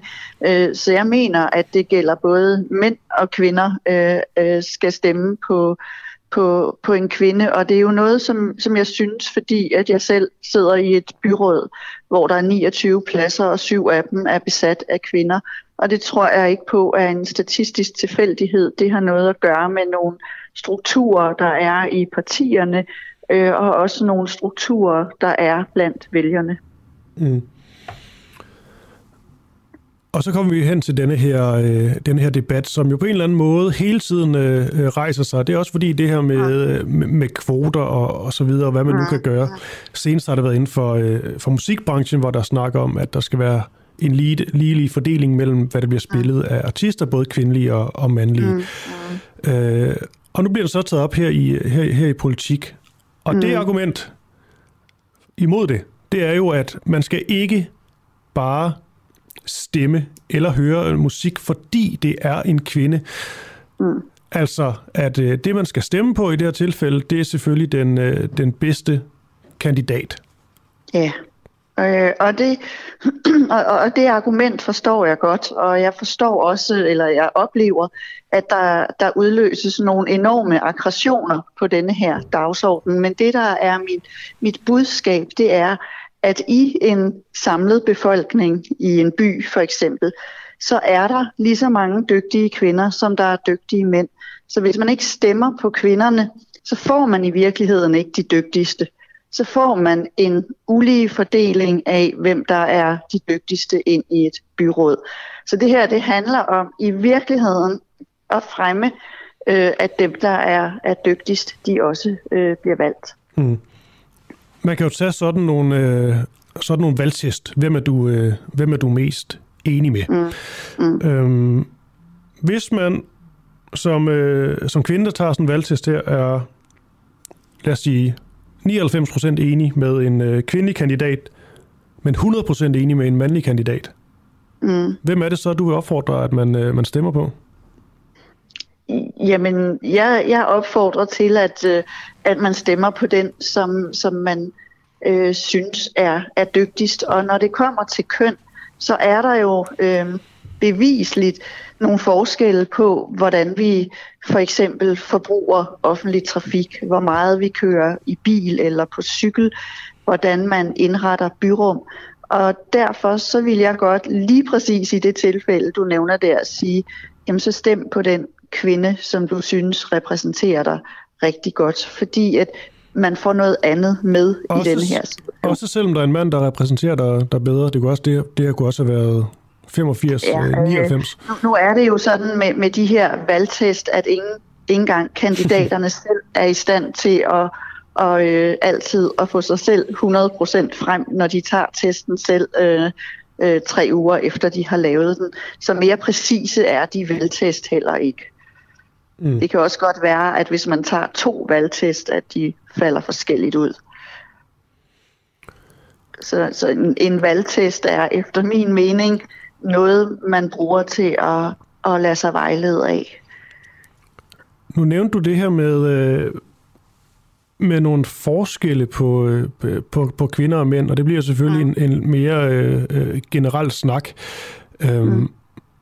Men er det virkelig sådan et, et, et validt argument, føler du, at kvinder er anderledes end mænd, og derfor så kan man stemme på kvinder, der giver øh, et eller andet andet til, øh, til, til at bare sige politikken? Er det ikke også sådan en på en eller anden måde sådan en, en, øh, en simplificering af det med, med mænd og kvinder? Øhm, det er sådan, at, øh, at, hvis, hvis, at, at der, er jo, der er jo mange øh, lokale dagsordner i min by, så er der en lokal dagsorden, der handler om, vi skal investere i kollektiv trafik, og om vi skal have en bilfri bymidte. Og der føler jeg mig ret overbevist om, at det kan have en betydning, hvilket hverdagsliv man selv lever, hvordan man, man, øh, man øh, vil forholde sig til, til de ting, når man øh, var i et byråd. Øh, det kan jeg ikke bevise, men, men hvis man øh, øh stort set kun kører i bil, og at det er en den måde, man transporterer sig på, så kan det jo godt være, at man er mindre tilbøjelig til at synes, at kollektiv trafik er vigtig, eller cykelstier er vigtige, eller bilfri bymidter er vigtige. Mm. Der kommer nogle, øh, nogle sms'er ind, og det er jo også som det er med ind på vores øh, på den duafhængige øh, Facebook-side. Og det er jo også som, mm. det, som det ofte er med de her øh, debatter, når det kommer til, øh, til kvoter, eller det med at skulle stemme eksempelvis på, på en kvinde frem for en mand. Mm primært grundet, øh, grundet kønnet, kan vi vel godt sige. Der, øh, jeg kan lige læse på stykker op. Jeg vil, det er fra Helle. Jeg vil stemme på den kandidat, der matcher mine synspunkter bedst, kvinde eller mand. Mine synspunkt er blandt andet, at man ikke skal stemme på en kvinde, bare fordi det er en kvinde. Så er der også en, der skriver, hvorfor ikke lægge flere kriterier på? Jeg er 30 år, så bør jeg kun stemme på kompetente 30-årige. Eller er det kun for køn, som vel er en social konstruktion? Ikke. Mm. Og det er selvfølgelig øh, sat på spidsen det her, men, men kan du egentlig ikke godt følge det her, det her sidste øh, spørgsmål, at så, man kan vel også sige, der mangler unge i, øh, i, i politik eksempelvis, og så bør jeg, jeg er 34 år gammel, så bør jeg stemme på en, der er på, på min egen alder.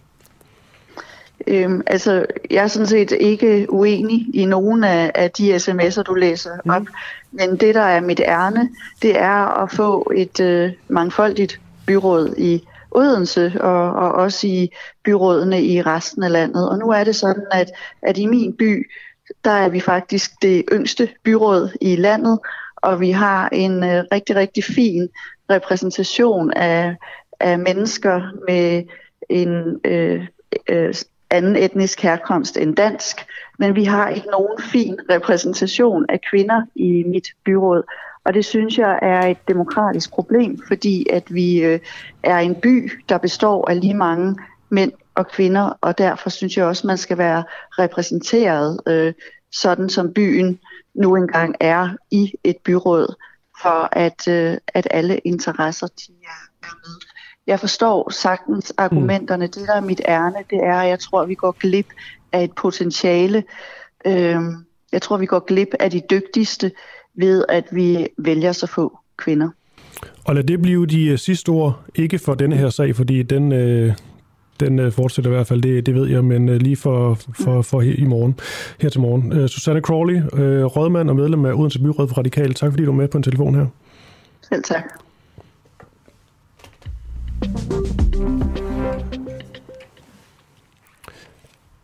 Er det dybest set tilfældige skøn, der afgør, hvor meget vi skatteborgere vi skal betale minkavlerne?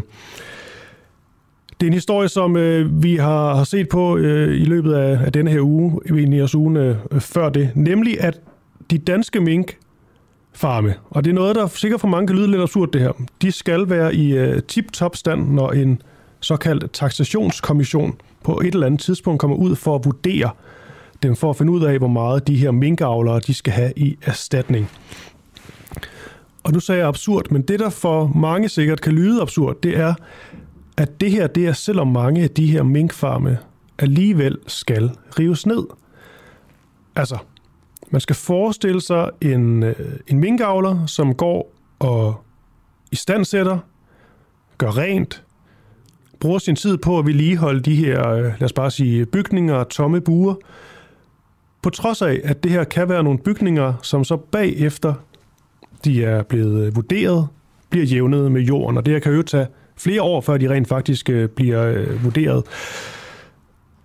Og øh, den her sag synes vi er dybt seriøs, men også en lille smule øh, underholdende, fordi det på en eller anden minder om, minder om sådan et øh, Sisyfos-arbejde, men også med øh, betaling i den anden ende til de her øh, minkfarmere.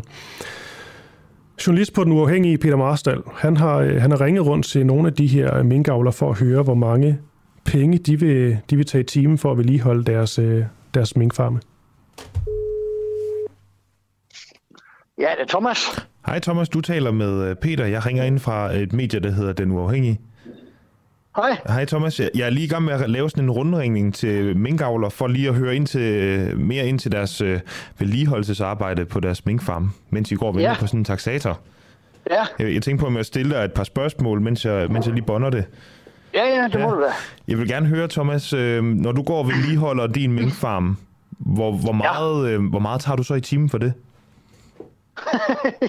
jeg, jeg tager jo ikke noget. Hvad mener du med det? Jamen, jamen øh, hvem skal jeg sende regningen til? Vi, vi har jo ikke...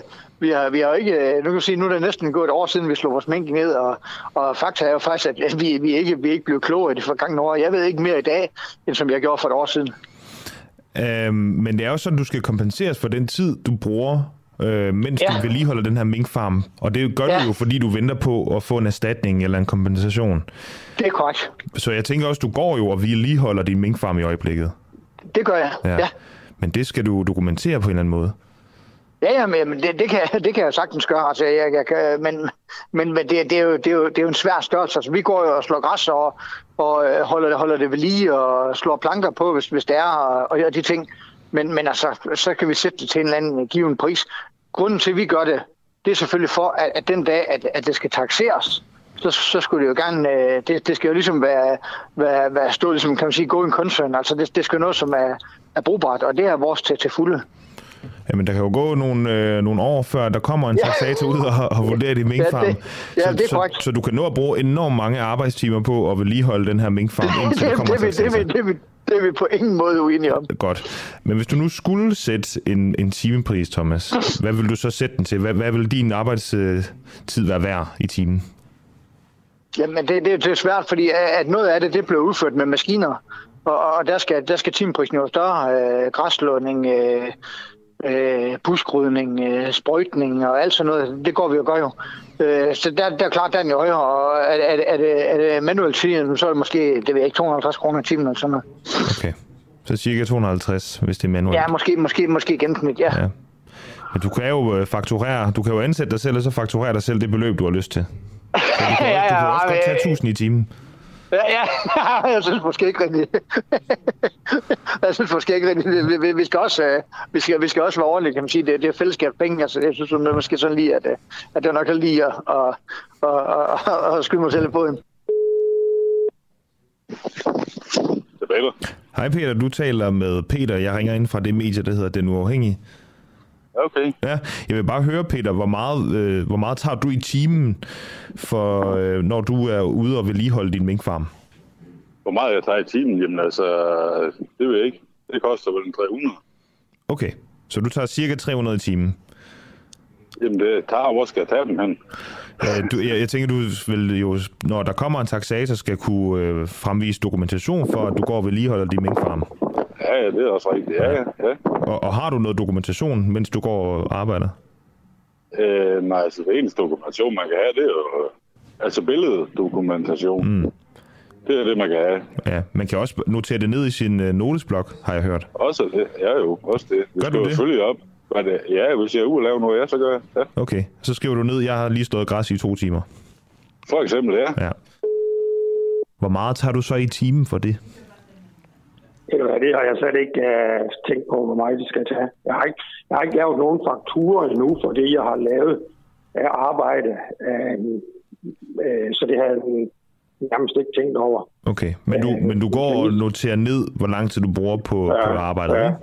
Ja, det gør jeg. Hvis du nu skulle sætte Ja. en, øh, en timepris for, øh, på den her faktura, hvad, hvad skulle det så være? Åh, Puh, ja. Jeg har sådan ikke lige tænkt over, den skal den skal vel være... Ja, hvis nu det var mig selv, der gjorde det, og ikke min medarbejder, så ville det blive noget dyrere, men, men øh, den vil vel ligge omkring et par hundrede kroner. Men får de her medarbejdere ikke øh, sådan nogle arbejdssedler eller timesedler? Nej, det gør vi ikke her. Okay. Okay. Øhm, så, så hvad får de egentlig i timen? Øh, jamen, øh, jeg har en, der får 140 kroner i timen. Okay. Og så plus ferie og forsikring, og det, så er vi jo også op over 200 kroner. Jeg vil, jeg vil egentlig høre, hvor meget, øh, hvor meget du tager i timen, når du øh, vedligeholder din minkfarm. Jamen, vi tager jo ikke noget i timen, det ved vi jo ikke. jo. Vi ved ikke, om vi får noget jo, og vi sender ikke nogen regninger for noget jo. Men kan I ikke fakturere jer selv for det arbejde, I så laver, og så selv sætte en timepris, så vidt jeg har forstået? Jo, men det kunne vi jo godt gøre, men der er ingen, der, er ingen, der ved, om vi får noget for det. Okay, så det er ikke sikkert? Nej, altså, med den regering, vi har, så, så, så tror jeg ikke på noget som helst.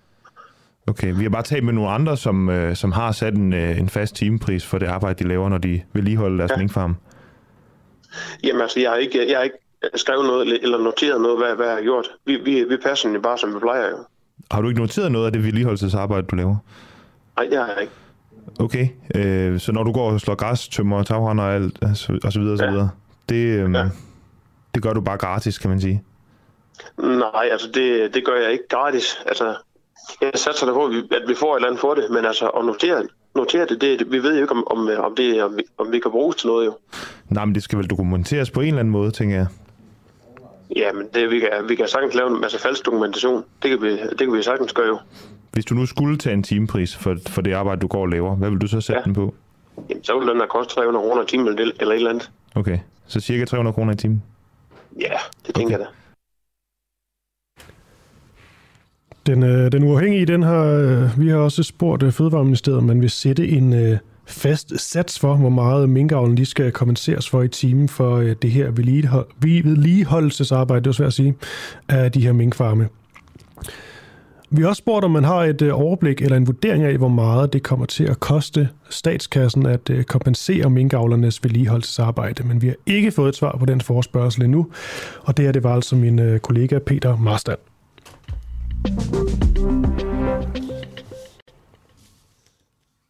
Er det okay at øh, ødelægge, vandalisere valgplakater, hvis man øh, selv mener, at et øh, parti er øh, racistisk? Det spørger jeg lige om et øjeblik min, min gæst Magnus Møller siler om.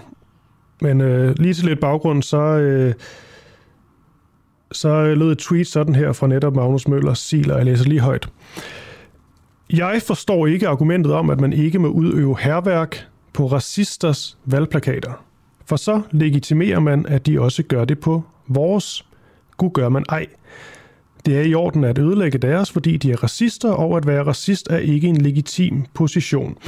Og øh, det her, det var altså et, øh, et tweet, som ligesom var en reaktion på, at nogle øh, politikere fra Dansk Folkeparti, de har fået malet hagekors og Hitlerskæg på deres valgplakater. Og det betyder vel så også, at de er øh, racister, dem fra DF, Magnus? Øhm, det vil jeg hævde, at øh, mange af dem øh, er, eller i hvert fald handler på en måde, som øh, har konsekvenser, som man legitimt kan beskrive som racistiske. Altså som øh, har en konsekvens i den virkelige verden, som går ud over nogle virkelige mennesker på baggrund af deres hudfarve eller religiøs eller etnicitet. Og det mener jeg er fair at sige, at det er racistisk.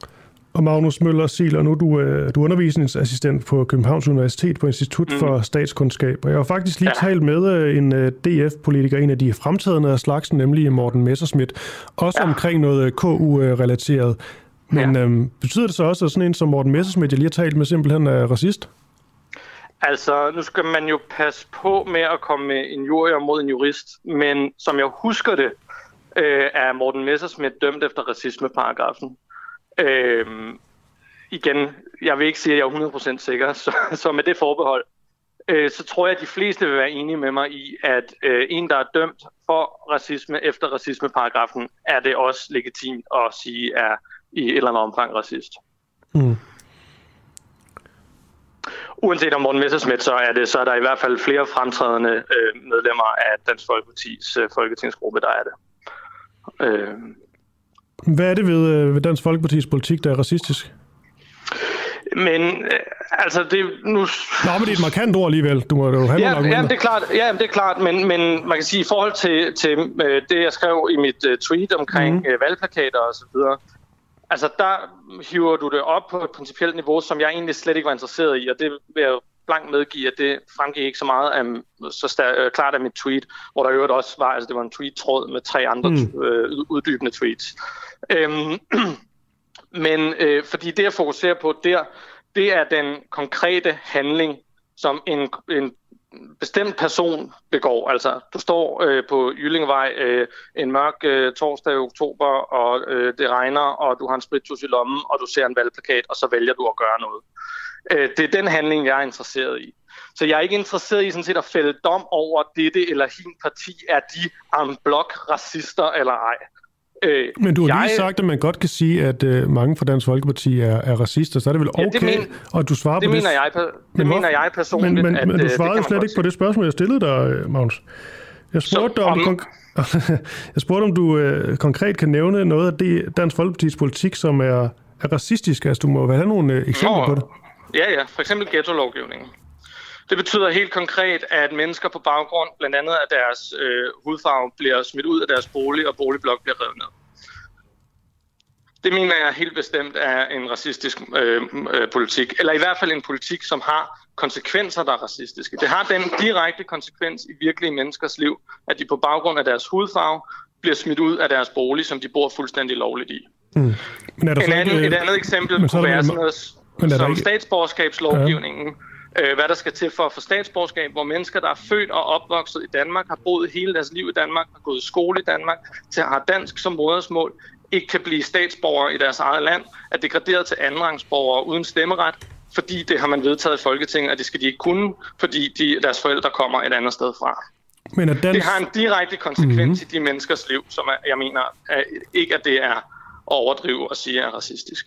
Men det mener, det, det mener du så, det har du selvfølgelig alt lov til at, mm. til at mene, men mener du, at øh, Dansk Folkeparti så øh, eksempelvis er så meget værre end eksempelvis øh, regeringspartierne inden for det seneste, lad os bare sige øh, 20 år? For hvis Nej. ikke, så, så er der jo rigtig mange racister derude. Ja. Okay. I forhold til øh, det her med, øh, med plakaterne. Mm-hmm. Vi er vel enige om, at det her med at øh, vandalisere en, øh, en, en valgplakat, det er, det ikke er den, den allerbedste idé i sådan et, øh, i et demokrati, man selvfølgelig skal have lov til at hænge sin valgplakat op, uden det bliver vandaliseret, eller, eller er du en anden... Øh... Øh, det er to forskellige spørgsmål, du stiller der. Hvorfor? Det ene er, at, at det er en god idé at vandalisere valgplakater, den anden del har at gøre med demokrati, og hvad må man og hvad må man ikke i et demokrati. Mm. Jeg vil mhm. gerne svare på begge dele, men bare lige for at få skilt skidt og kanaler. Øhm, hvis man ser på, at det er en god idé at vandalisere valgplakater, øh, det er jeg sådan set ikke specielt interesseret i, om det er. Jeg tror ikke, det er en god antiracistisk strategi, for eksempel. Men det var heller ikke det, jeg var interesseret i med mit tweet. Jeg var interesseret i, hvad motiverer den person, som står der, som sagt, øh, en, en regnvåd aften og vælger at gøre det. Og kan det i den konkrete situation øh, ikke på et eller andet abstrakt plan i forhold til demokratiet osv., men lige præcis i den konkrete øh, situation, kan det så ses som legitimt at gøre det. Fordi det er det, hele diskussionen hele tiden handler om. Du kan se information på lederplads, som siger, at det er aber, der gør sådan noget. Altså det handler netop om personen, der gør det. Og derfor var jeg interesseret i det. Så er der det andet spørgsmål med demokratiet. Øh, og der kan man sige, jeg kommer fra en baggrund i politisk teori og politisk filosofi det har været en fuldstændig legitim diskussion, i hvert fald i 500 år inden for mit felt, at snakke om, hvornår må man handle med ekstra legale midler. Altså, hvornår bliver man undertrykt på en måde, hvor man bliver nødt til at gøre noget, der ligger uden for det etablerede systems øh, spillerammer, og hvornår er man retfærdiggjort, og hvornår det er legitimt at gøre noget, som ligger uden for det etablerede systems spillerammer. Så kan vi diskutere, om det her er sådan et tilfælde men det er ikke illegitimt altså, vi taler om at, vi taler at, om at, at man kan handle og på en måde, som ligger uden for det etablerede system. Altså lige nu, der, det er bare fordi, nu lyder det som nogle meget øh, øh, store, øh, flotte, flotte ord det her, men, men det vi taler om, det er vel, at man, altså, man tegner på plakater. Ja, øh, og det tror jeg, at øh, igen, jeg ønsker at tage udgangspunkt i den konkrete situation. Mm. Og jeg tror, at det menneske, der står der og tegner, på en valgplakat og skriver racist på en Dansk Folkeparti-valgplakat, eller tegner et hagekors, eller hvad det er, vi snakker om. Øh, gør det, fordi de er øh, øh, desperate, og fordi for mange af dem, som sagt, øh, mange af dem, som, som, øh, som er direkte påvirket af den her politik, lever som andenrangsborgere i deres eget land, hvor de for eksempel ikke har adgang til at stemme.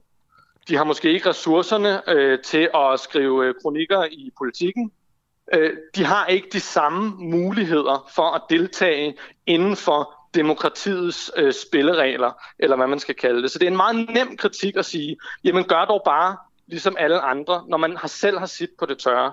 Når man sidder øh, med en lang videregående uddannelse, og man er grisefarvet 12. generations dansker, og øh, man kan skrive alle de kronikker, man vil så er det meget nemt at sige, jamen brug dog bare demokratiets spilleregler. Men mange af de her mennesker, tror jeg, som griber til det her, gør det, fordi de ikke bare kan bruge demokratiets spilleregler. Enten fordi de formelt set simpelthen er udelukket fra det, eller fordi de ikke har ressourcerne til det. Og så er det, jeg øh, ønsker at sige, at lige præcis når det kommer til racisme, ikke hvilket som helst politisk spørgsmål, men lige præcis når det kommer til racisme, så mener jeg, at der er et argument for, at så er det også legitimt at handle på den måde. Og det mener jeg, fordi øh, for mig at se er racisme et kvalitativt anderledes politisk spørgsmål end andre politiske Men så, spørgsmål. Og det bliver så, vi nødt til at tage højde for. Mener du så, at der... Fordi på den ene side siger du, det, det kan være nogen, som ikke måske får skrevet øh, kronikker i aviserne og bliver hørt så meget, øh, som lidt gør det i desperation. Men mener du så, at for dem, fordi de ligesom har en... Altså, Altså, de er blevet berørt af det her, øh, som du mener, at, øh, at øh, Dansk Folkepartis politikere, de, øh, de står for, at så er det ligesom legitimt, fordi det kan jo også være, det er det ikke umuligt overhovedet, at det mm. her, det er altså drengestreger. nogen, der er ude og have det sjovt, og så øh, vil de gerne lidt opmærksomhed eller et eller andet, og så tegner man på en plakat, vandaliserer den, eller laver et hagekors, eller hvad det kan være. Det går Nej. ikke ud fra, at ligesom er legitimt. Nej, men det er heller ikke det, diskussionen er. Hmm. Altså, hvis du læser de kommentarer, der har været osv., så, så bliver diskussionen netop konsekvent og med det samme hævet op på niveau om, at øh, som der var en, der skrev til mig på Twitter, fordi øh, jeg, jeg diskuterede det her, at jeg gik ind for forbrydelser mod selve demokratiet. Og hvis man er oppe i den retorik, så siger, taler man jo heller ikke om det, som om det er drengestreg. Så det, du kan godt indvende, ja, at det kan godt være, at det er og så vil jeg være fuldstændig enig med dig, så skal man lade være med det. Men er du så inde og vurdere de her valgplakater ud efter, hvem, øh, hvem kandidaten er, eller tager du det bare for, man kan sige, ligesom øh, Dansk Folkeparti over en, øh, over en bred kamp? Øh, igen, der, vil jeg sige, øh, der, for mig der handler det om, ikke om, om, hvad jeg mener, det handler om, hvad den person, der står i situationen og gør det, mener. Og de, har, de lever et liv, de er situeret, om man så må sige, i et eller andet levet liv, hvor de måske på egen krop, eller nogen de kender, har mærket nogle konsekvenser af de her øh, øh, konkrete handlinger, øh, som den her førte politik er. Og det forbinder de enten med det parti, de nu ser, eller med den person, der er øh, konkret, eller hvad det nu kunne være. Og på den måde mm. øh, laver de den kobling. Okay. Så for dem, ja, ja. i deres motivation for handlingen, er det en antiracistisk ja, ja, handling. Ja, jeg er med på den, øh, den pointe, men så er mm. det jo også ret relevant at høre, hvor grænsen så går ifølge dig, fordi altså, hvilke midler må man ligesom øh, øh tage i brug? Altså, hvis, det... hvis jeg ser en, hvis du nu siger, at nogle af de personer, ja. du nævner her, ser en, som uh, ifølge dem er uh, uh, ja. racister på gaden, må de så spytte dem i ansigtet? Det Hvad? mener jeg ikke. Nej. Jeg, går, jeg er med på, at det er en, en, et fuldstændig legitimt spørgsmål at stille til mit argument, og en fuldstændig legitim indvending. Øhm, jeg er ikke sikker på, at jeg kan give et klart svar på det, fordi det er et sindssygt svært spørgsmål.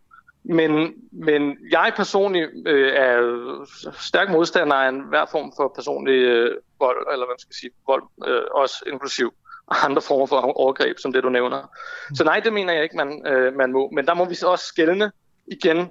Øh, der er altså en kvalitativ forskel på døde ting og levende personer. Mm. Altså det at tegne med en sprittus på et stykke pap, kan altså ikke sammenlignes med at spytte en levende person i ansigtet. Mm. Det er, og det er ikke bare en glidebane, fordi der er så skarp en distinktion der, så skarp en kvalitativ forskel mellem en død ting og en levende person, at der er ikke nogen bane okay, at glide men, på mellem de to ting. Men, men her, okay, men her til sidst, uh, Magnus Møller og Sila, der skal jeg, jeg lige forstå, uh, en ting, og det er i forhold ja. til, nu taler vi ligesom om de her, de her valgplakater, og du mener, at det her med at vandalisere racistisk valgplakater, som du kalder det, ja. øh, er en legitim øh, handling. Ja. Og det er så også fordi, at det er nogen, ifølge dig, som ligesom har, øh, er blevet udsat for, for, for racisme og, mm. og så videre. Men hvis jeg nu eksempelvis fra min måske privilegerede position, men føler, at, øh, at enhedslisten er nogle, mm. øh, nogle, øh, øh, nogle idioter, eller racister, mm. hvad det nu kan være. Altså, må jeg så godt vandalisere deres plakat, så længe jeg selv kan argumentere for, hvorfor jeg gør det?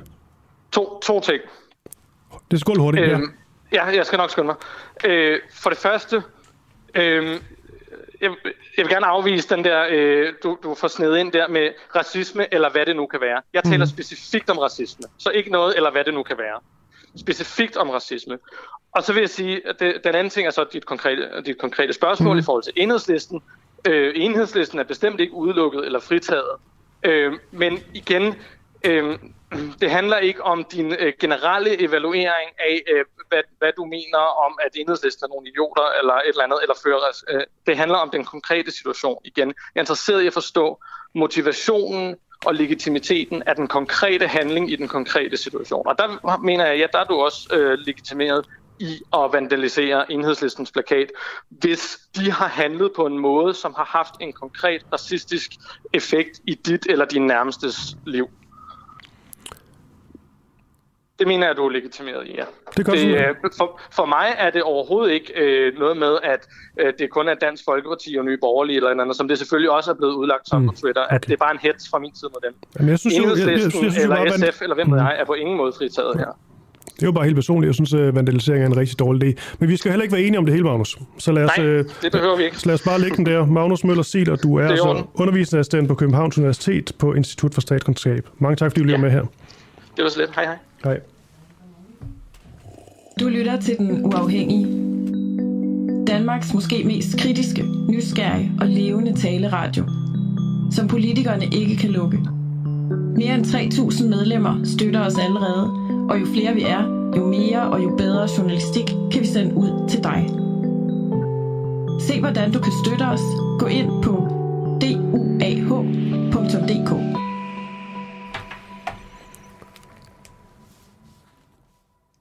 Klokken er 8.48, 8.49 faktisk, det gik, øh, der skifter lige der. Og øh, du lytter til den, øh, den uafhængige.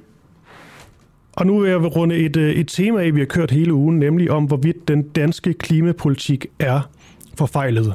Mette Frederiksen, Dan Jørgensen og så videre er gode til at tale den danske øh, klimapolitik op, tale om os som et, øh, et grønt forgangsland, og bliver egentlig ikke, i hvert fald i de øh, udenlandske medier, vi har øh, blandt andet hørt en interview i CNN med Mette Frederiksen, talt imod sådan øh, overhovedet. Så øh, det har vi øh, besluttet os for at gøre. I hvert fald er nogen, der ikke er så enige i denne her klimapolitik, øh, komme til ord. Også. Og øh, jeg glæder mig til det her, fordi nu skal jeg tale med en, som er, jo egentlig er repræsentant for dem, der udleder allermest CO2 her i, øh, i Danmark, så det skal nok blive øh, øh, interessant. Og det er dig, Thomas Ud. Velkommen til.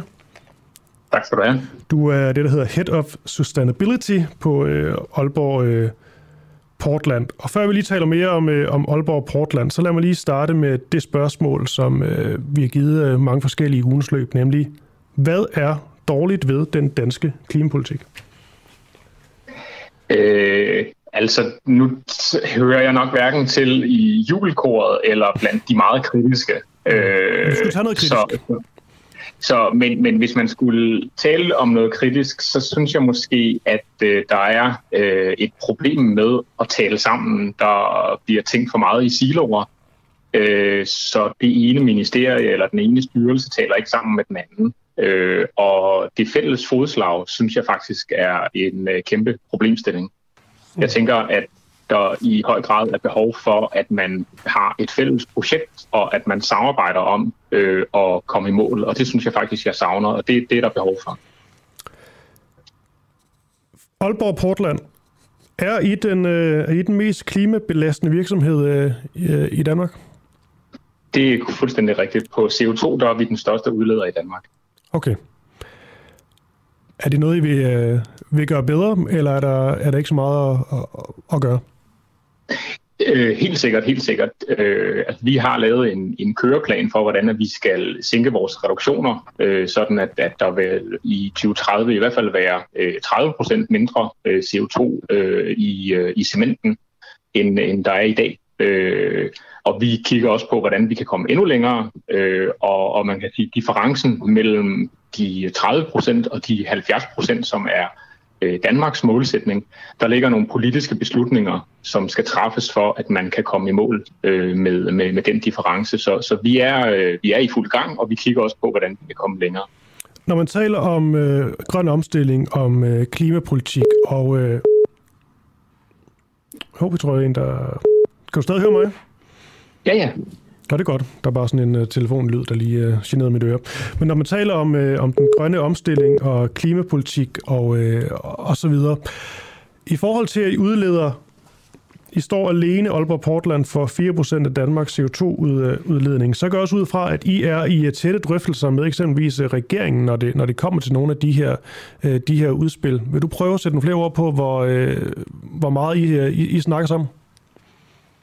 Altså, der er jo en, en, en løbende øh, dialog. Øh, der blev nedsat som bekendt øh, en, en række klimapartnerskaber. Øh, der havde vi øh, hvad hedder, øh, formandskabet for øh, det klimapartnerskab, der repræsenterede de energiintensive virksomheder.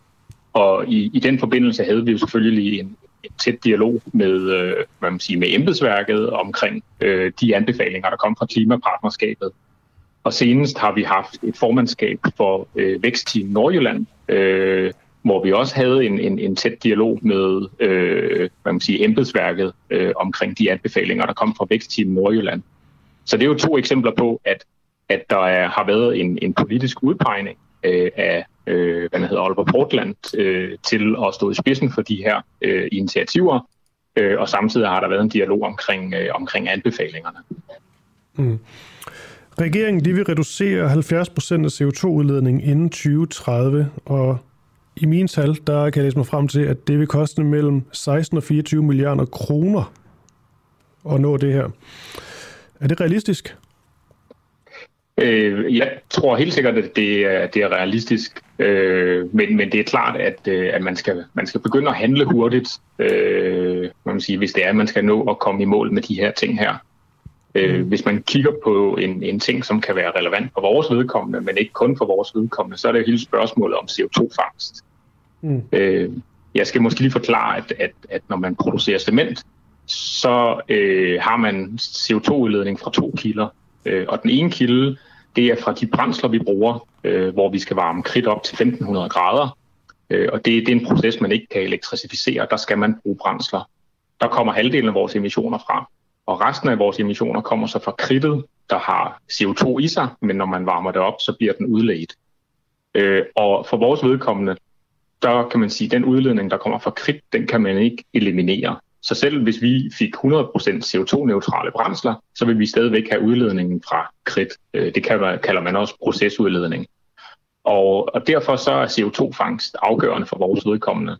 Og det, og det var en af de, de ting, som jeg nævnte før, at der skal nogle politiske beslutninger til i forhold til CO2-fangst. Øh, faktisk så bliver der forhandlet lige netop, som vi snakker her, så bliver der forhandlet øh, politisk om omkring en strategi for CO2-fangst. Øh, så, så der er proces i det, øh, men det er stadigvæk et åbent spørgsmål præcis, hvordan øh, rammevilkårene øh, bliver, og om det bliver realistisk for os at lave CO2-fangst. Men man kan sige, at CO2-fangst er nødvendigt for os, hvis vi skal kunne nå 70 procent, og det er også nødvendigt, hvis vi skal blive CO2-neutrale på sigt, og, og det skal vi jo selvfølgelig. Det skal I, siger du? Ja. Og, Okay, og, men Thomas Ud, der er, jo, der er jo det, når man har denne her, øh, her diskussion, det her med, på den ene side, så har vi, øh, så har vi de her øh, udledninger, og vi har de her, øh, de her tal, og der skal helst re- reduceres en, en del, og så taler man så om denne her grønne omstilling, og, øh, og, og en klimavenlig måde at gøre det på. Problemet er så nogle gange, at den klimavenlige måde kan være den, den dyre måde at gøre det på. Hvad har I tanker der? Er I da også klar til at, at tage penge på det her, for ligesom at gøre noget godt for, for klimaet? Øh, ja, altså, øh, vi har øh, investeringer for omkring en milliard kroner i pipeline frem mod 2025. Øh, målrettede øh, bæredygtige investeringer, så vi kan ændre vores produktion. Men hvad betyder sådan øh, Thomas Ud, undskyld, jeg afbryder. Det er bare fordi, når du så siger en milliard kroner, nu har jeg lige sagt noget med 16 og 24 milliarder kroner. Man kan nu ja. have svært ved at forstå beløb i den her størrelsesorden. 1 milliard kroner for, øh, for Aalborg Portland, hvor meget er det? Det er øh, et meget, meget, meget stort beløb. Altså, det er nok øh, den, den, den, den største investering, som, som kommer målrettet til at blive foretaget. Øh, Men i forhold til sådan sige, samlede omsætning eksempelvis? I forhold til vores samlede omsætning, øh, jamen der svarer det vel til i bum, bum, bum, det er vel et overskud i en to-tre år, øh, som, som rent skal investeres i det. Okay, yes. Og de så, så, så, jeg bare tale videre, undskyld, så. Ja, så, så, så, så det, er jo, det er jo et relativt stort, stort beløb, som, som, som er i pipeline til at blive investeret. Øh, et andet eksempel på, hvad vi gør, øh, vi, sendte en, øh, vi har lavet en, en ny, mere bæredygtig øh, cementtype, som, hvor man sparer 30 procent på, på, øh, på cementen. Øh, og der kunne vi se, at, øh, at der ikke var så meget øh, salg i den øh, hvad hedder, cementtype, der, som, som vi havde forventet, og derfor lavede vi en priskorrektion der. Altså vi tog nogle udviklingsomkostninger på os upfront, øh, og det er jo et andet eksempel på, at vi ligesom siger, jamen der er noget, som vi, øh, mm. vi godt kunne arbejde med øh, direkte. Ja, fordi her til sidst, øh, Thomas Ud, ifølge Martin Collignon, der er klimaskribent, så mener han, at Aalborg Portland faktisk kan producere grå cement i stedet for hvid cement, fordi det sviner mindre men det her med, at den er hvid, at det dybest set er et spørgsmål om, øh, om æstetik. Har den en pointe? Øh, ja, nu producerer vi både hvid og grå cement, øh, og man kan sige, at hvis vi ikke producerer den hvide cement, så bliver den jo ret beset bare produceret et andet sted. Men det er rigtigt, at hvid cement er mere energiintensivt, øh, og, og, og det er ikke sådan, at man kan erstatte alt hvid cement med, øh, med, med, med grå cement. Noget af det, som man blandt andet bruger hvid cement til, det er til øh, hvad man sige, cementbaseret maling, man bruger i ret stort omfang. Øh, og, og den maling, den bliver man nødt til at lave på, på hvid cement, så, så, så det er ikke noget, man bare kan, man kan skrotte. Jeg tror, jeg, øh, jeg er tilfreds med svarene nogenlunde Thomas ud. Du er Head of øh, Sustainability for Aalborg øh, Portland. Jeg vil gerne lige sige tak, fordi du er med her til morgen. Selv tak.